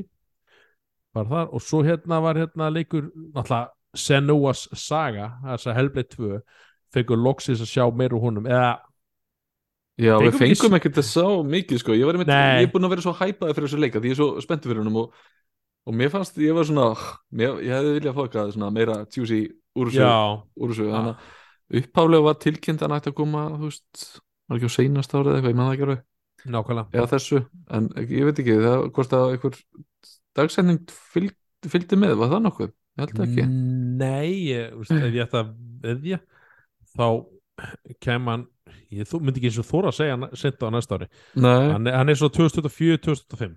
Uh, mm, Ef The Witch is Coming þetta, hann kemur já, hann er áallan næsta ári á, hérna, en ég myndi ekki þóra að veðja því. Ég get alveg sagt það að ég held bara þeir sko fyrirleikurinn var frábær mm, og ég elska ég held bara þeir, þeir eru komnir hérna, þeir voru komnir lengt langt í að framlega og þarna hefur bara eitthvað þetta, veist, Microsoft sé bara ok, þið er að gera geggjal hluti bara eða meiri púðir í þetta. Og þetta þetta var eitthvað 30 manna stúdíu fyrst held ég, með að segja. Hann að þeir hafa greinlega, ég mér ekki óvart af, veist, bara stærðagrána þessu er þetta bara gigantísk, það er að segja veist, er að segja, þú fer svolítið svona, þetta er svona sögusvið flakk með sögunum í fyrirleiknum en þannig kannski vonandi er að móta ykkur veröld og, og, og gera eitthvað svona flott uh, í heiminn heimi. Og hérna, já Þetta er spennandi einmitt að þetta gerist á Íslandi já, einmitt Algjörlega. þetta, er ekki byggt á Íslandi eða þú veist ekki, ekki, ekki inspirerað af Íslandi heldur þetta bara á að gerast á Íslandi og sama með, ég var að double checka með þarna Island of Winds sem ég var að tala um fyrir þættinum og það er, einmitt, það er ekki heldur bara svona innblásið af Íslandi heldur það bara á að gerast á Íslandi á 17. öld þannig að það er svolítið hérna skemmtilegt. Það er svona, það er greinlega Íslandi er svolítið sækisveðri það er alltaf eins og sáum hérna náttúrulega hérna Death Stranding þó að uh, hann gerist í bandaríkjanum innan gæslepa og svo kemur þessi leikur Islands of, uh, Island of Winds. Mm svo hérna svo hérna einn annar hérna sem er datt í hug hérna uh, með íslenska tengu það er alveg stólur mér það var hérna allavega ég kemur kannski að það eftir hérna, ég var með huga svo, svo fóru að tala um þetta þá hérna uh, já, er það týndum mér en allavega Íslandi er svolítið svona já, uh, jú, God of War, ef þú fattar þið já, Íslandi já, já, en, en, en þú veist íslenskan er nótuð í og, veist, og það já, já. og, það er einhverja tengingar þarna já, já, já, ég er að segja mm. þeir komu til Íslands og, og voru að framlega sönga á efnið þeirra mm. nákvæmlega uh, eins og segi, þá voru fleiri veist, Elder Scrolls Online er að pakka þarna og, og Fallout 76 eins og segi uh, ég held að sé komin uh, ný rýni á síðun okkar uh, frá Sveini. Eða, já, eitthvað er í kringum hana aukapakkan hérna á Elder Scrolls þannig að uh, hvort þú sé búið byrtan eða ekki Jú, hún er, hún er inni. Hún er góðinni, ok, geggjað, já. Ég vissum væri bíkirað og hérna. Svo hérna uh, Cities Skyland 2 Hann kemur held ég á Game Pass. Já, hann er, hann, já, hann staðfest, hann kemur á Game Pass. Hann er að koma á 2024 uh, Ég er virkilega spenntið fyrir honum. Og spilaður fyrirleikir Cities Skyland Já, ekkert eitthvað rosa mikið en ég hef svona kynnti mér hann alveg og mitt, mér finnst það mjög flottur og, og, og hérna, vel púsaður og ég, maður finnur alveg það væri mjög auðvelt að bara detta alveg inn í hann sko. Algjörlega, ég held að þetta séu sumið bara að spila kannski ekki þetta eitt annað. Uh, Mm. Ég hins vegar, eins og segi, ég spilaði nefnir þarna, tvisvar eða svona, veist, komst það ekki alveg út í enda þegar ég sem að komast í enda veist, þú þróar hérna borgin innan, hún var alltaf stærri og stærri og svo færði háhísi í lokin eða svona leið- það lengur að koma í leikin og unlockar svona hluti. Uh, eins og segi, svo komið hellingur að hellingur að aukapakkum í leikin og þá fannst mér, ég held ég eigi ekkit einasta að nema hvort þeir hafa verið að gefa nei, það var ekki að gefa allt, hvort það var að var að kaupa alla aukapakkana að góti til daginn. Uh, en þú veist þá getur þú keft leikinn bara með öll efnu, og þá ertu með bara rísa stóra pakka. Og sérstaklega þegar verið að gefa út aukapakka eftir aukapakka þá er svona, maður er svolítið svona, uh, miss, eða svona ekki til að missa af en, þau verður svona að, þú og erfitt að komast aftur inn í hana. Að þú og sé, þetta er bara svona, svona með Sims-leikina þú veist, og, og, og maður, hvað er á ég að byrja? Þetta er svona að vera hlaðbarð, hlaðbarðið þú með lítið disk og þú bara, þú veist ekki alveg hvað er það Hverju átt að ráða á diskinu? Nei, ég segi svona einn versta samlíking allra tíma. Hver bara aftur bara, tek, hinu ykkur að pakka setna ok, það er gaman að sé En eins og sé, þetta var Xbox kynningin uh, og það, sé, það eru fleiri titlar sem því kannski annað vilja, við við fjalla um það bara eru að reyna að tala um það alltaf helsta og hérna, já og hérna bara byggðins forlót sem við fórum ekki yfir en það er leik sem ykkur eh, hlustuður eru mest betri yfir, en það er bara svona það er ólík eh, eh, sjónamið á öllum hérna á hvert okkar. En ég var að segja Já. Já, Nei, ég, hérna, já, það bara ég myndi, ég ætla hérna ég ætla að segja, ég myndi eftir þessa kynningu og, og, og svona hafa hana svona hliðin á PlayStation kynningunu einhvern veginn svona að horfa á þær svolítið frá sigurum pólnum einhvern veginn. Já, þá, þá hérna finnst mér ég svona að vera að upplifa svolítið stert svona svona sérkenni Xbox aftur og sérkenni PlayStation. Svona eins og ríkara mæli hann er búið að vera kannski undanfærin ár og, og mér finnst svona mér finnst þetta pínu vera sko Xbox að bara gjössalega eiga þetta. Nákvæmlega. Og mér Já. líður eins og árið 2024 verði svolítið svona uh, ár Microsofts og Xbox og algjörlega, þar að leiðandi ítt svolítið niður uh, hinnum hlutunum, þar að segja Sony og Playstation. Ja, akkurat hérna, veist, þessi, ef þú veist, ef þú ert bara á toppinu þá er alltaf bara en lið, það er niður eða þú veist, segi ekki hana með Sony en hérna, hérna gaman að skildi nefna þetta því að hérna, diggur hlustandi þáttarins uh, hann Hjörvaringi, uh, mikill Xbox talsmaður í Íslandi og þegar ég segi mikill talsmaður í Íslandi, hann er hann er mikill talsmaður Game Pass og bara réttilega svo, við erum alltaf að tala um Game Pass í hverjum einasta þætti hérna uh, í leikjarfnis, af því að þetta er bara besti díl sem þú getur fengið völa á, í töluleikja heiminum í dag. Já, það var, það, var, það var líka þegar við byrjuðum að tala um þetta þá þurfti maður svolítið að fara svona inn að gæsla bara svindleiða því þetta var bara búið í bandaríkjunum á Breitlandi en nú er þetta, bara official í búið á Íslandi bara sem fyrir Nákvæmlega. íslenska notendur þannig að bara svo, það sé sagt En hérna, já, hann hérna kom með spurningu á Twitter og ég verð svona að reyna, þið verði uh, svona bear with me, eða fylgjum mér hlustundur af því að ætla svona að reyna, þetta, er látt svar, ég ána með, ána með þetta, hérna, þessa spurningu. Hann er að segja, hann er með smá vangaveltur, það væri gaman að heyra frá ykkur í hláðarpinu, er PlayStation að fara Apple-leðina og Xbox Android? PlayStation, já, þarf að kaupa dýrtæki frá þeim PlayStation 5, uh, PlayStation VR eða Play, PSQ sem er handelt uh, streamingtölu sem er að koma út til að spila leikina. Og þú færð gæði fyrir að fyrir það á móti Xbox sem leifi þér að spila leikina þeirra næstu hvar sem er uh, Xbox, leikitölunar PC og streamingþjónusta, öllum veist, bara það sem þú vilt uh, handeltækjum uh, Rock Alley sem er veist, komin út og svo Game Pass komið á Meta Quest Nú segir hann hérna, áður en Xbox ákveð gera þessa breytinga, þá var það Play- var PlayStation með risa fórskot og Xbox þurfti að gera eitthvað, vissulega. Uh, spurning uh, hvort þetta sé sniðu aðferð hjá þeim eða ekki. Eins og hefur, eins og er, hefur fórskot Sony ekki minkað. Hvað finnst ykkur og hver eru kostur og gallar við þessa aðferð? Já, þetta er, er svoka hefi spurning en ég fíla rosalega, ég bara hlustundur, hlustundur endilega takki mig og, og bara komið með spurningu hér og þar og uh, fyrir mitt leiti eins og segi, þetta var þetta var svolítið svona það sem við snúningur var, Xbox 360, það er alltaf, þú ert svona in the lead, þá er eins og segi það, það, það gerist ekki nema einhver komið aftan að þið bara og, og takki fram eða þú veist, þegar ég segi það eins og með Xbox 360, hún bara var í bandarkjum alltaf var bara dominant af PlayStation 3 PlayStation 3 var alltaf dýr og, og leikir og, svo, og það þýr þá að Play, Xbox er, ge- hana, er að selja hérna, það bara fleiri leiki, það er það sem þið greiða mest á auka hlutum og töluleikjum það sem seldu leikjum uh, svo náttúrulega kemur PlayStation 4 veist, þá er eins og segja Xbox á toppinum og, og Xbox veist, kom með þessi kynninguna þeir alltaf að virkja þannig að þú getur bara að vera með eitt disk og hverju vél og, auðkynnaði þar og þannig að þeir fóru svolítið út af þar og við erum heldur bara að sjá það ennþá í dag hvernig skiptingi var þegar PlayStation 4 kom á. Og, og svo náttúrulega var PlayStation 4 er náttúrulega hérna uh, þannig að vélinn miklu einfaldra heldur en PlayStation 3 nokkuð tíman Sony tókur rosalega feilspor bara með hönnun og PlayStation 3 svona til framtíða séð. Uh, við bara sjáum það veist, þegar við erum að færa leiki yfir á PlayStation 4 og 5 og það er bara nánast ekki hægt nema bara að fara inn í kófan og bara endurstilla allt saman og það kostar pening á tíma. Uh, svo, sé, svo tekur PlayStation 4 bara fram úr aftur og, og bara svona langt fram úr. Xbox voru bara svona ég ætla ekki að segja sofandi risi þeir voru bara, þú veist þeir voru ekki að taka svo allt alveg þeir voru bara, þeir heldur bara að, að, að þeirra markmið var að komast inn í tí, broadcast TV markaðin, þú veist.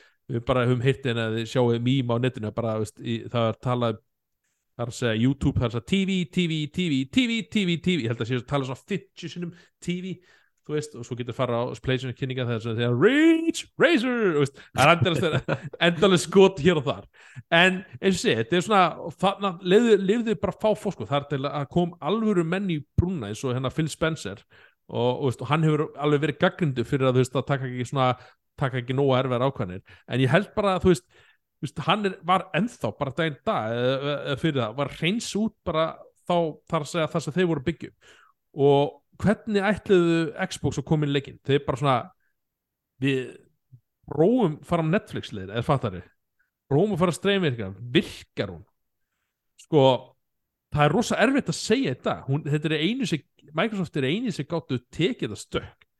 Uh, svo er þessi það er, það er bara Sony og ekki Nintendo. Þegar Nintendo eru bara svolítið sérflokki.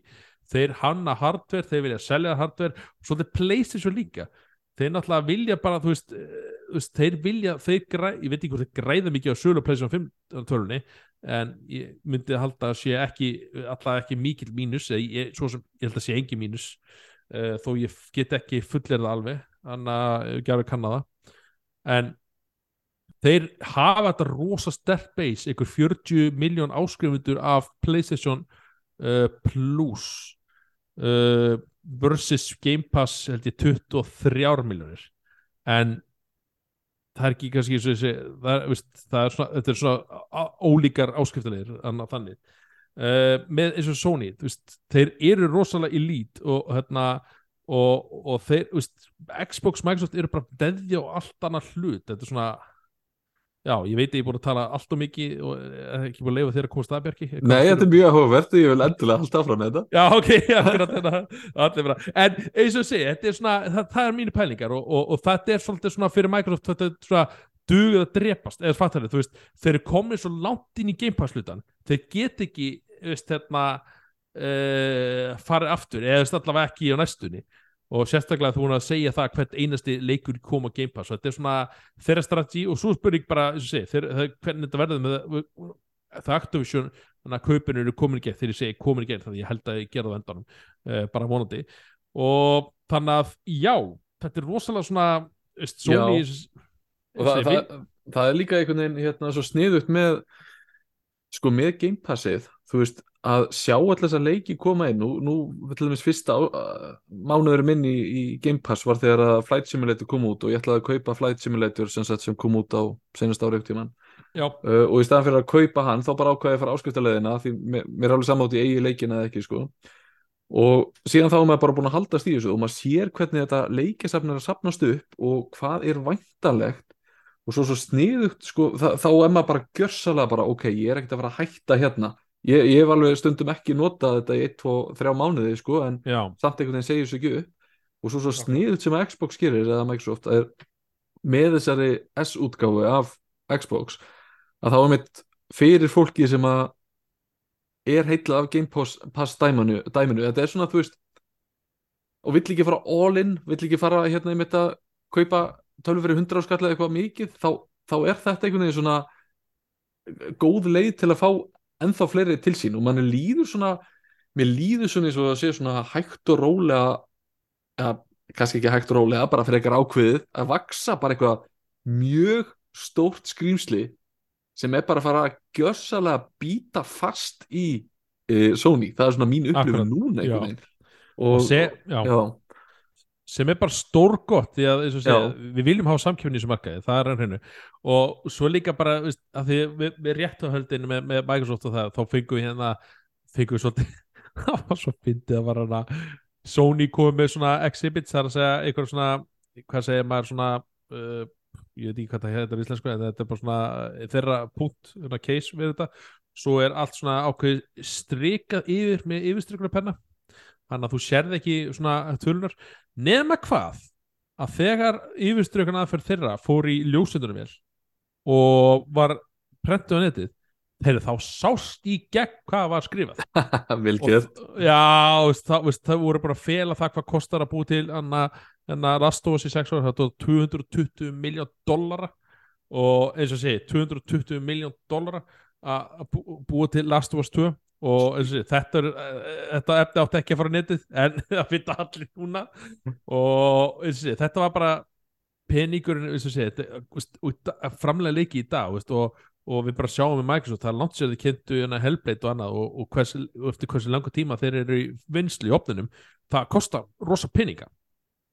Uh, og, og hvort að eins og segja Game Pass mun ekkert að borga sig að endanum fyrir það í það er rosa erfitt að segja. Eða veist einhvern veginn svona uh, þetta er geggja valjú fyrir spilaran og bara no deal breaker að- að að fara í þetta og ég gleymi aldrei að COVID og fólk var svona að prófa hennileg, já, ég sagði, þú getur fengið að Game Pass. Bara, veist, þá er svo talmast, talsmaður Game Pass, já, hann er að Game Pass, þetta er að Game Pass og það er bara, talar ekkert annað Game Pass, ég bara, já, þetta er besti díl að þú veist, fattar þið Já, veist, já. það var, veist, ég var ekki Game TV og hérna, voru, hérna uh, var að segja, spila Dead by Daylight og bara, já, já, hann er Game Pass, ég gerist áskrifandi hérna og, og, og spila hann og svo gleymi ég alltaf hana að þarna hvað segir maður, segja upp áskriftinu og ég alltaf, alltaf byrja eitthvað að, æjá, Eða, svo, er þetta líka fyrir eitthvað uh, verð sko, þetta er ekki tannig að maður er eitthvað nei, nei. Þetta er svona eins og segja, þú borgar þú horfur ekki á Netflix allan mánuðin og, og hvernig mánuð, þá allt henni borgar maður alltaf fyrir það einhvern ástæðu.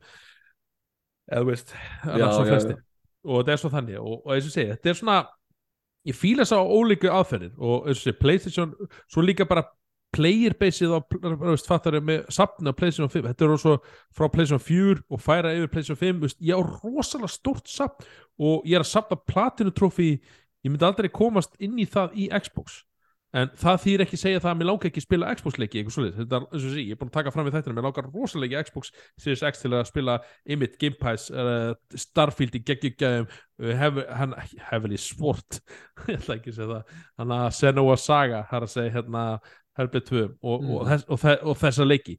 Og við bráðum eins og sem næsta ári, það, að næsta ár verður geggja fyrir Microsoft, þá ef ég á ekki annað Xbox Series X þá hugsa, ok, ég er að missa af.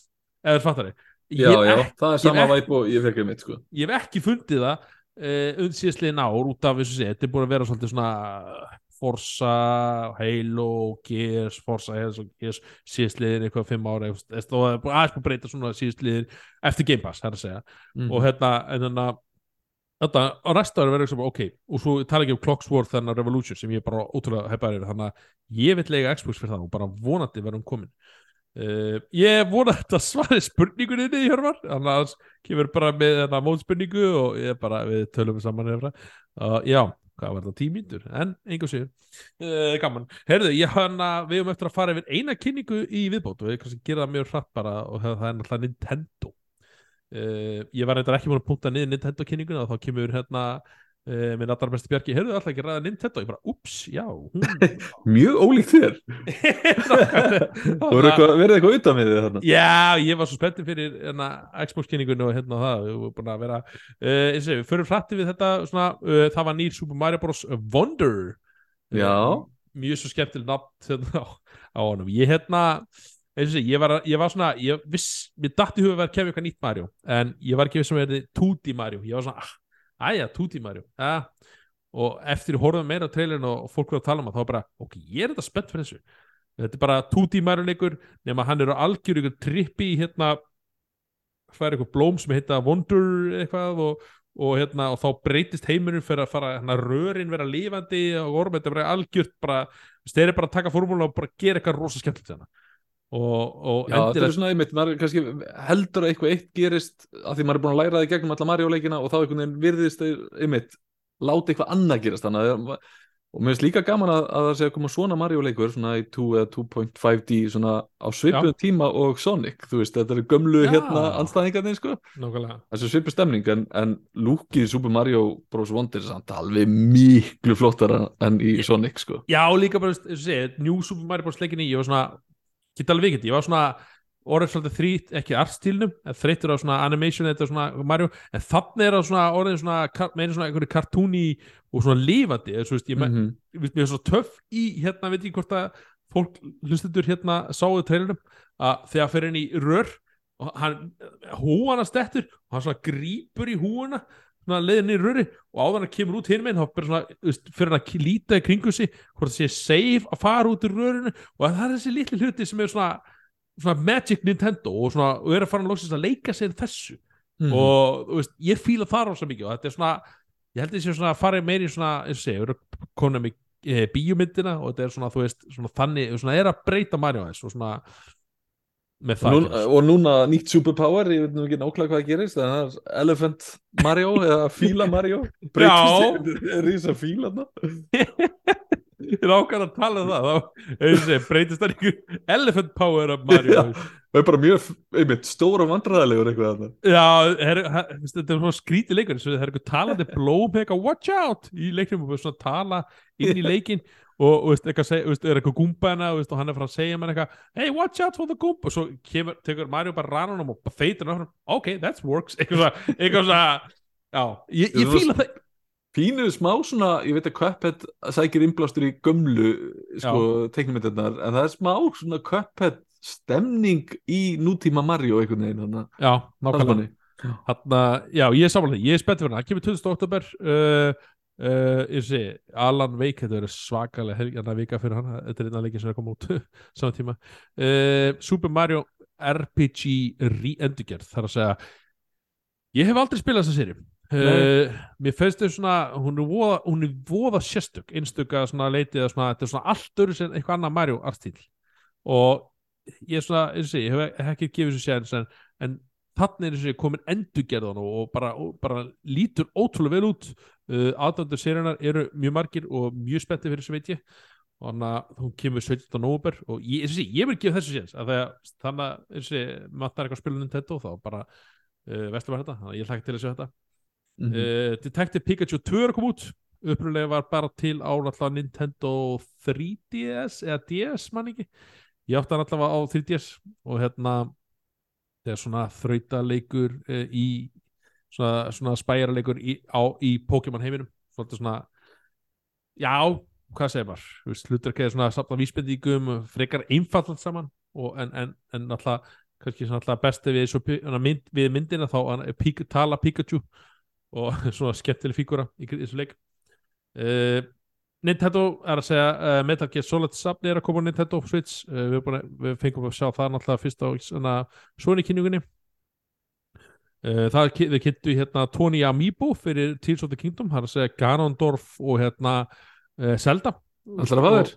Já Já ég, ég á alla Zelda fígurunar ég held að sé ykkur 23 talsins þannig að svo er alltaf að vera gert. já, ég hérna ég, ég held ég satt frá því í Zelda hlaðarpennu hérna að ég þurfti að panta eitt frá Ástralíu að ég, ég hérna já, það var ég, ég sagði þá að kosta 20 skall ég held að það kosta 14 skall með sendingöllu við erum einna bíbú og ég bara til að eiga í síðasta enna í safni og svo var heyra held ég bara síðasta mánuð það bara, já við prentum alla aftur selda, uh, það er beðið aðeins leikur en allavega eins og ég, ég er að samla selda samlun, það er hann að ég vil læta það ekki vanta. Uh, WarioWare Move It uh, hefur þú spilað WarioWare leikina? Já, sjálfsögna, þetta eru mjög stektir og finnir leikir, bara einmitt allir geta greipið þetta og bara haft gaman sko. Geggja partileikur, þú gerir algjör partileikur lætur annar gera og þau, veist, þetta, veist, ég veit ekki hvað lítið, veist, kannski flugur á flugur á hérna sjó, hana, á hana, hérna að segja uh, sjóarpið í leiknum og þú ert að nota kannski nunchuck, nunchuck, wow þetta er við, uh, Joy-Con fjasturina, slá fluguna með span veist, á sjóarpið og, og hefur bara svona 2-3 sekundir til þess og, og þetta gerir eitthvað voða fyrir og veist einhver, einhver nef stort nef í leiknum og það verður með hendi og það veist, finn, yep. veist, fann með búið nef þetta var, þetta var steikt, tjekka trailerunum uh, ég, ég er spenntið fyrir þessu og hann er að koma út hérna uh, 17. óber það er að segja nóg að gera í þetta málum og þetta er einhverju yfir 200 eins og segja hilarious microgames eins og segja á síðinu uh, Pikmin 4 er að koma út uh, ég hef ekki spilað uh, hérna Pikmin leikina Nei, ég prófaði demoðið mitt og svona alveg ágætt konsept en var ekki að grípa mig eitthvað óalega mikið. Já, akkurat. Uh, já, það er að koma 21. júli, bara svona næsti stærsti Nintendo-leikurinn og eftir alltaf Tears of the Kingdom. Uh, svo komu líka háti útgafur af Pikmin 1 og 2. Það uh, er að kaupa þá e-shop. Já, þú getur kæft á e-shop núna, en leikur kemur á kupp í áþreifulega indagi 22. september. Það vilt það er gerði það líka með hérna vá, þeir gerði það líka með hérna Metroid Prime Collectioni sem bara, hann kemur út í dag en ef við eignast hann á, á, á, á kupp, þá er þetta að býða í mánuð sem ég gerði en þetta er svona, ég spurði hvort að Nintendo sé að gera eitthvað svona hvað er margir tilbúin að kaupa þetta bara í e-shop? Já, eitthvað svona óformulega könnun bara. Það getur bara verið, þú veist, það er að segja veist, ég hérna nokkar að prófa þá og, og ég held að þú getur kipt stakaleik á 30 dólar uh, báð á 50 eða veist, það er 1 og 2 Þeir eru ekkert með eitthvað svona lása eða, ég menna maður getur bara breykt að maður sé í hvaða landi sem er þegar maður er að kaupa efni og eitthvað svona.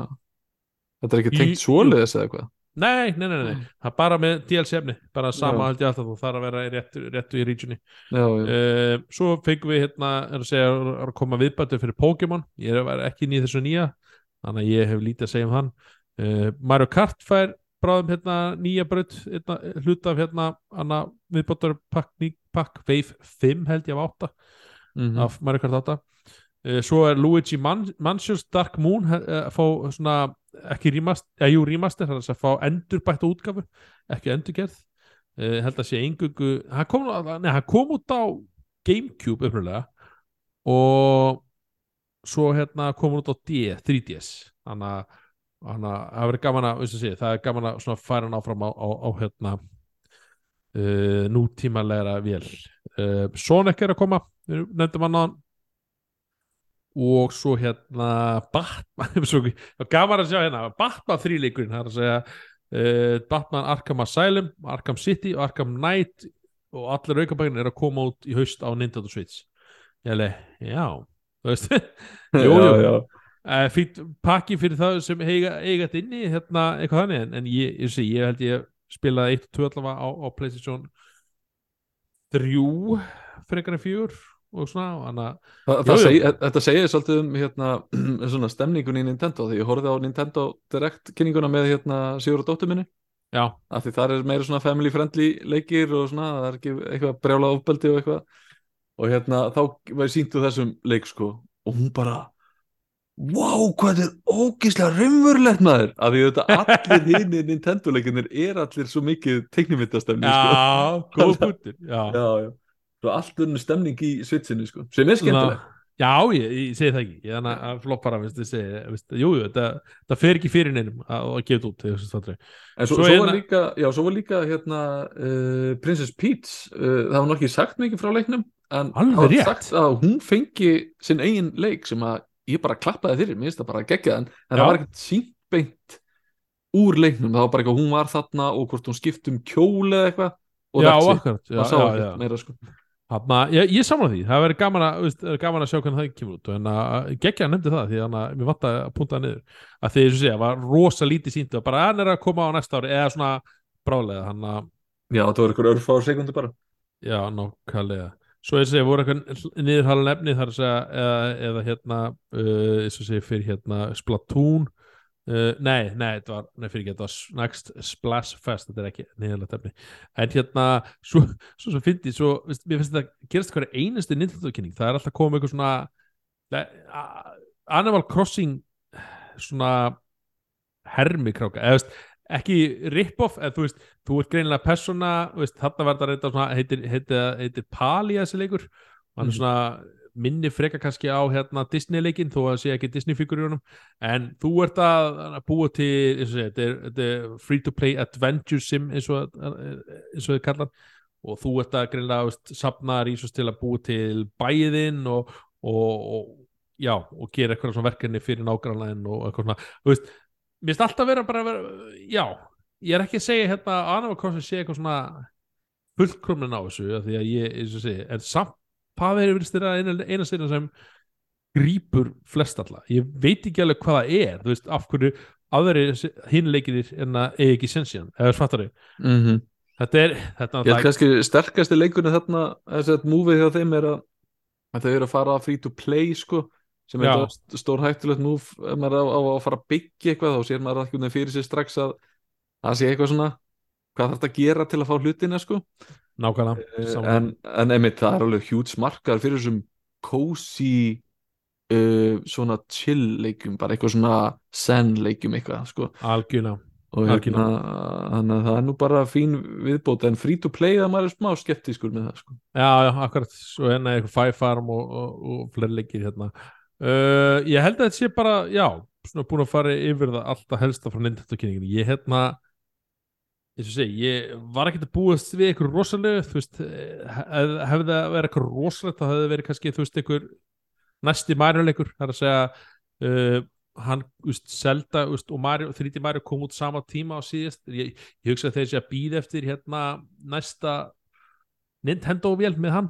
Og, og kannski gaman að segja frá því að þú veist það var hérna ársaukjör fundur bara Nintendo, bara fjárfesta fundur bara nýlega og þá, veist þessi, þá hérna kemur ljós svolítið svona, veist, þá er verið að leka hinn og þessu og, og helsta frá því var það hérna að sem sagt, þú átt mynd geta fært hérna gögniðinn leikina þeirra frá Switch yfir á uh, uh, Switch 2 eða hvað hann að hitta næstu Switch-vél sem hefur aldrei gest áður en Nintendo þú alltaf þurft að kaupa allt samlið aftur. Jújú, jú, þú hefur getið spilað átt á kupp getið spilað á hérna næstu vél, en mér skilst þú ef þú átt leikin nú þegar uh, downloadaðan, eða það er búðinni þá getur þú fært hann uh, yfir. Og ég, ég skilda þannig.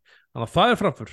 Það er Mhm. svo ónintendolegt að, að, að maður er svo trúið alltaf þess að svo, svo tölur um þetta að næsta Nintendo vel hún kæmi ekki eftir að segja ynga fréttir munu berast af hérna útgáfuna af, ok, ekki, ynga fréttir en, en, en næsta Nintendo vel mun ekki koma fyrir eftir mars að næstari, það er að segja að það er næsti næsta fjármála tímabil hefst og það er uh, 31. mars sem það endar hann að, já, ég á alveg búin að fáum loksins að sjá nýja Nintendo vil uh, uh, á næsta ári allavega Já, ég að heyra. það er, það er alveg komin tími á það en á sama tíma skilja alveg þess ekkert að drífa sig í þessu svona með að hvernig Switch bara er Já, já. vel já. ég, ég sagði að það er komið tíma hana fyrir þreymar ára allavega einhver bróðgáfi, einhver uppfæraða en það hefur ekki gest og, en já, svona er það.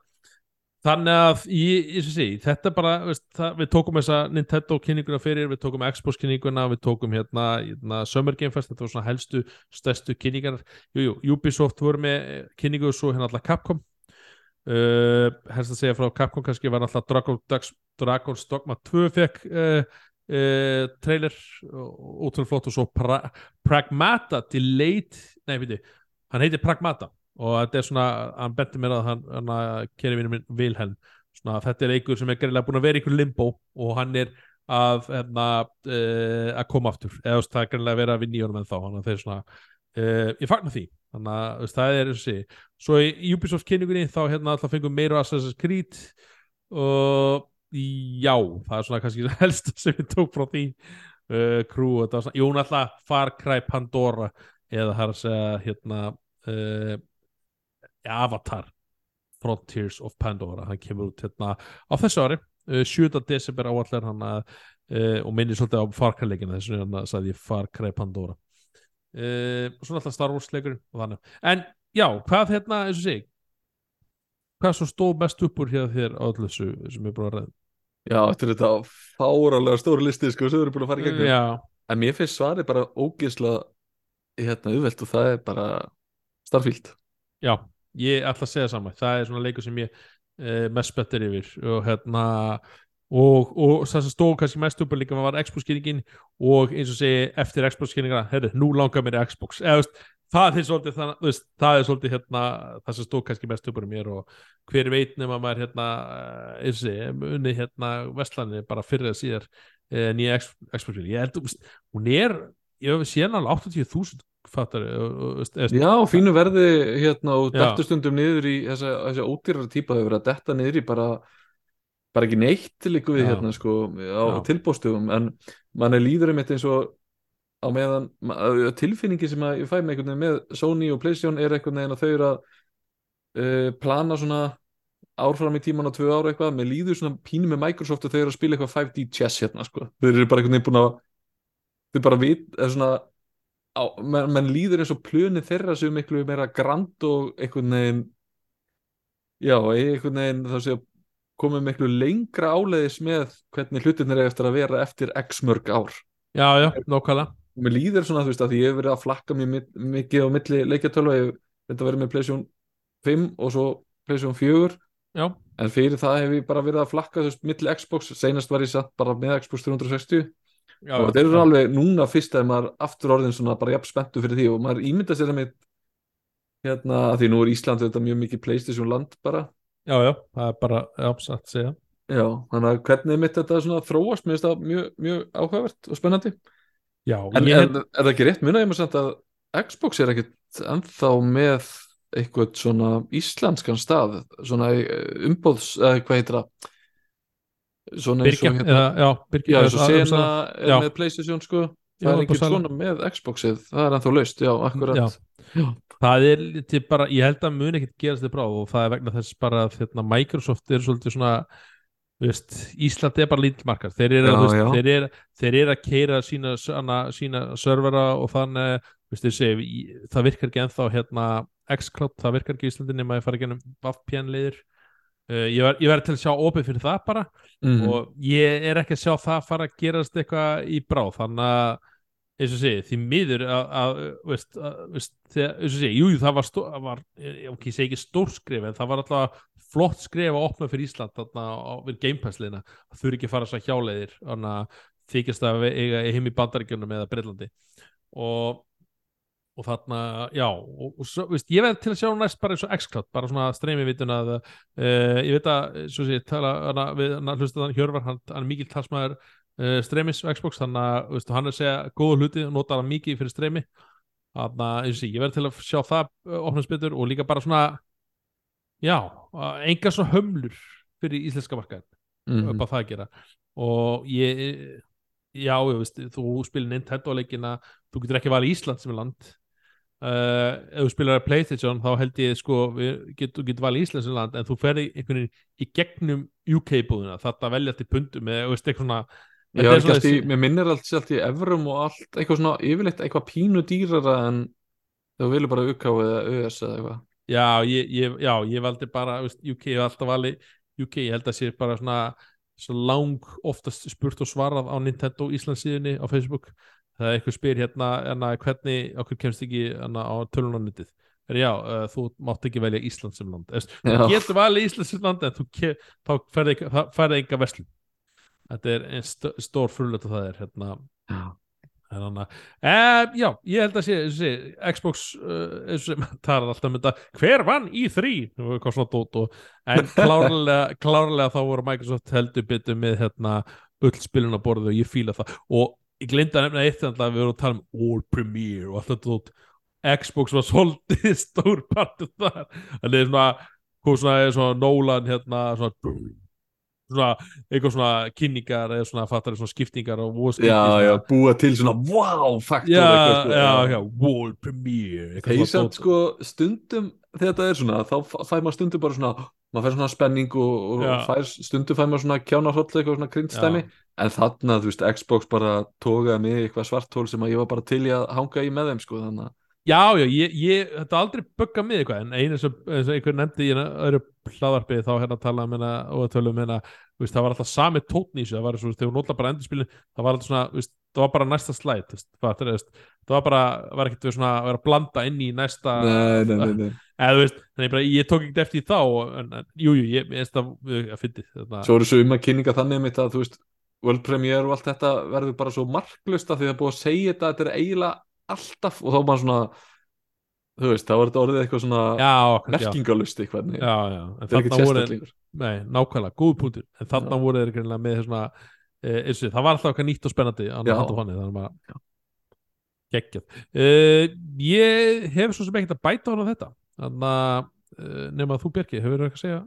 Nei, bara ekki neitt en, en ég til ég að taka bráðum hérna Selda spoiler þátt. Heyrðu, já. Næsta plan Við ætlum að taka það hérna um, já, ökkart Næsti þáttu verður auðvitað Selda spoiler þáttur og þá náttúrulega er þetta engungu fyrir hlustuður sem hafa klára sögun í Selda og við ætlum að svona rína alla Selda-leikin og hérna svona taka fyrir. Þannig að nefndi það því að við erum allir búin með hann í Svinn og, og þú Björki náttúrulega. Mm -hmm. Þannig að, já, það verður áhugavert. Þannig að við ætlum að vera bara næsta leiti og hérna vonandi fyrir en síðan en þannig að maður lofar aldrei neinu. En þessi, þetta er búið að vera svo mikið sprengja í hérna, hérna leikja heiminum eða starf þannig að ég, við þurftum að koma þessu frá okkur. Og hérna, og náðum við bara eins og sé, þetta voru næstu góðu tvei tíma sem við tala um þetta, en þessi uh, þannig að já, ég hef svo sem ekki að bæta þetta heldur sjálfur.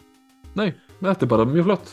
Geggja, þú bara hveit ykkur hlustendur eða þið erum eitthvað hérna, við erum á samfélagsmiðlum bæði á Facebook og, og Twitter og, og bæði við og, og svona alltaf Norðursins. uh, það sem þetta hlaðvarp alltaf tengist eða þetta, þetta er á vegum Norðursins. Já, þetta, og YouTube líka það hefur verið að stundum að setja einn svona spilum einhverja leiki og sérstaklega Sveitn hefur verið að taka smá sessjón þar. Nákvæmlega, það er svolítið gaman eins og gaman að gaman að hafa svein hérna þá var fint að hafa enga bremsu. Ég, tala, viðst, ég hef ekki bladað um Nintendo alla þáttin en ég nýtti því ekki takkifæri eða raunið yfir Xbox eða það er ekki, ekki sveit til að stoppu nei, nei, nei ég ger ráð fyrir sérna fyrsta sveit þannig að þú kemur bara mingilega eftir en þannig að, já, annars vil ég bara þakka fyrir mig af þessu sinni og eins og segi, vondi heyrum þið í okkur bara von bráðar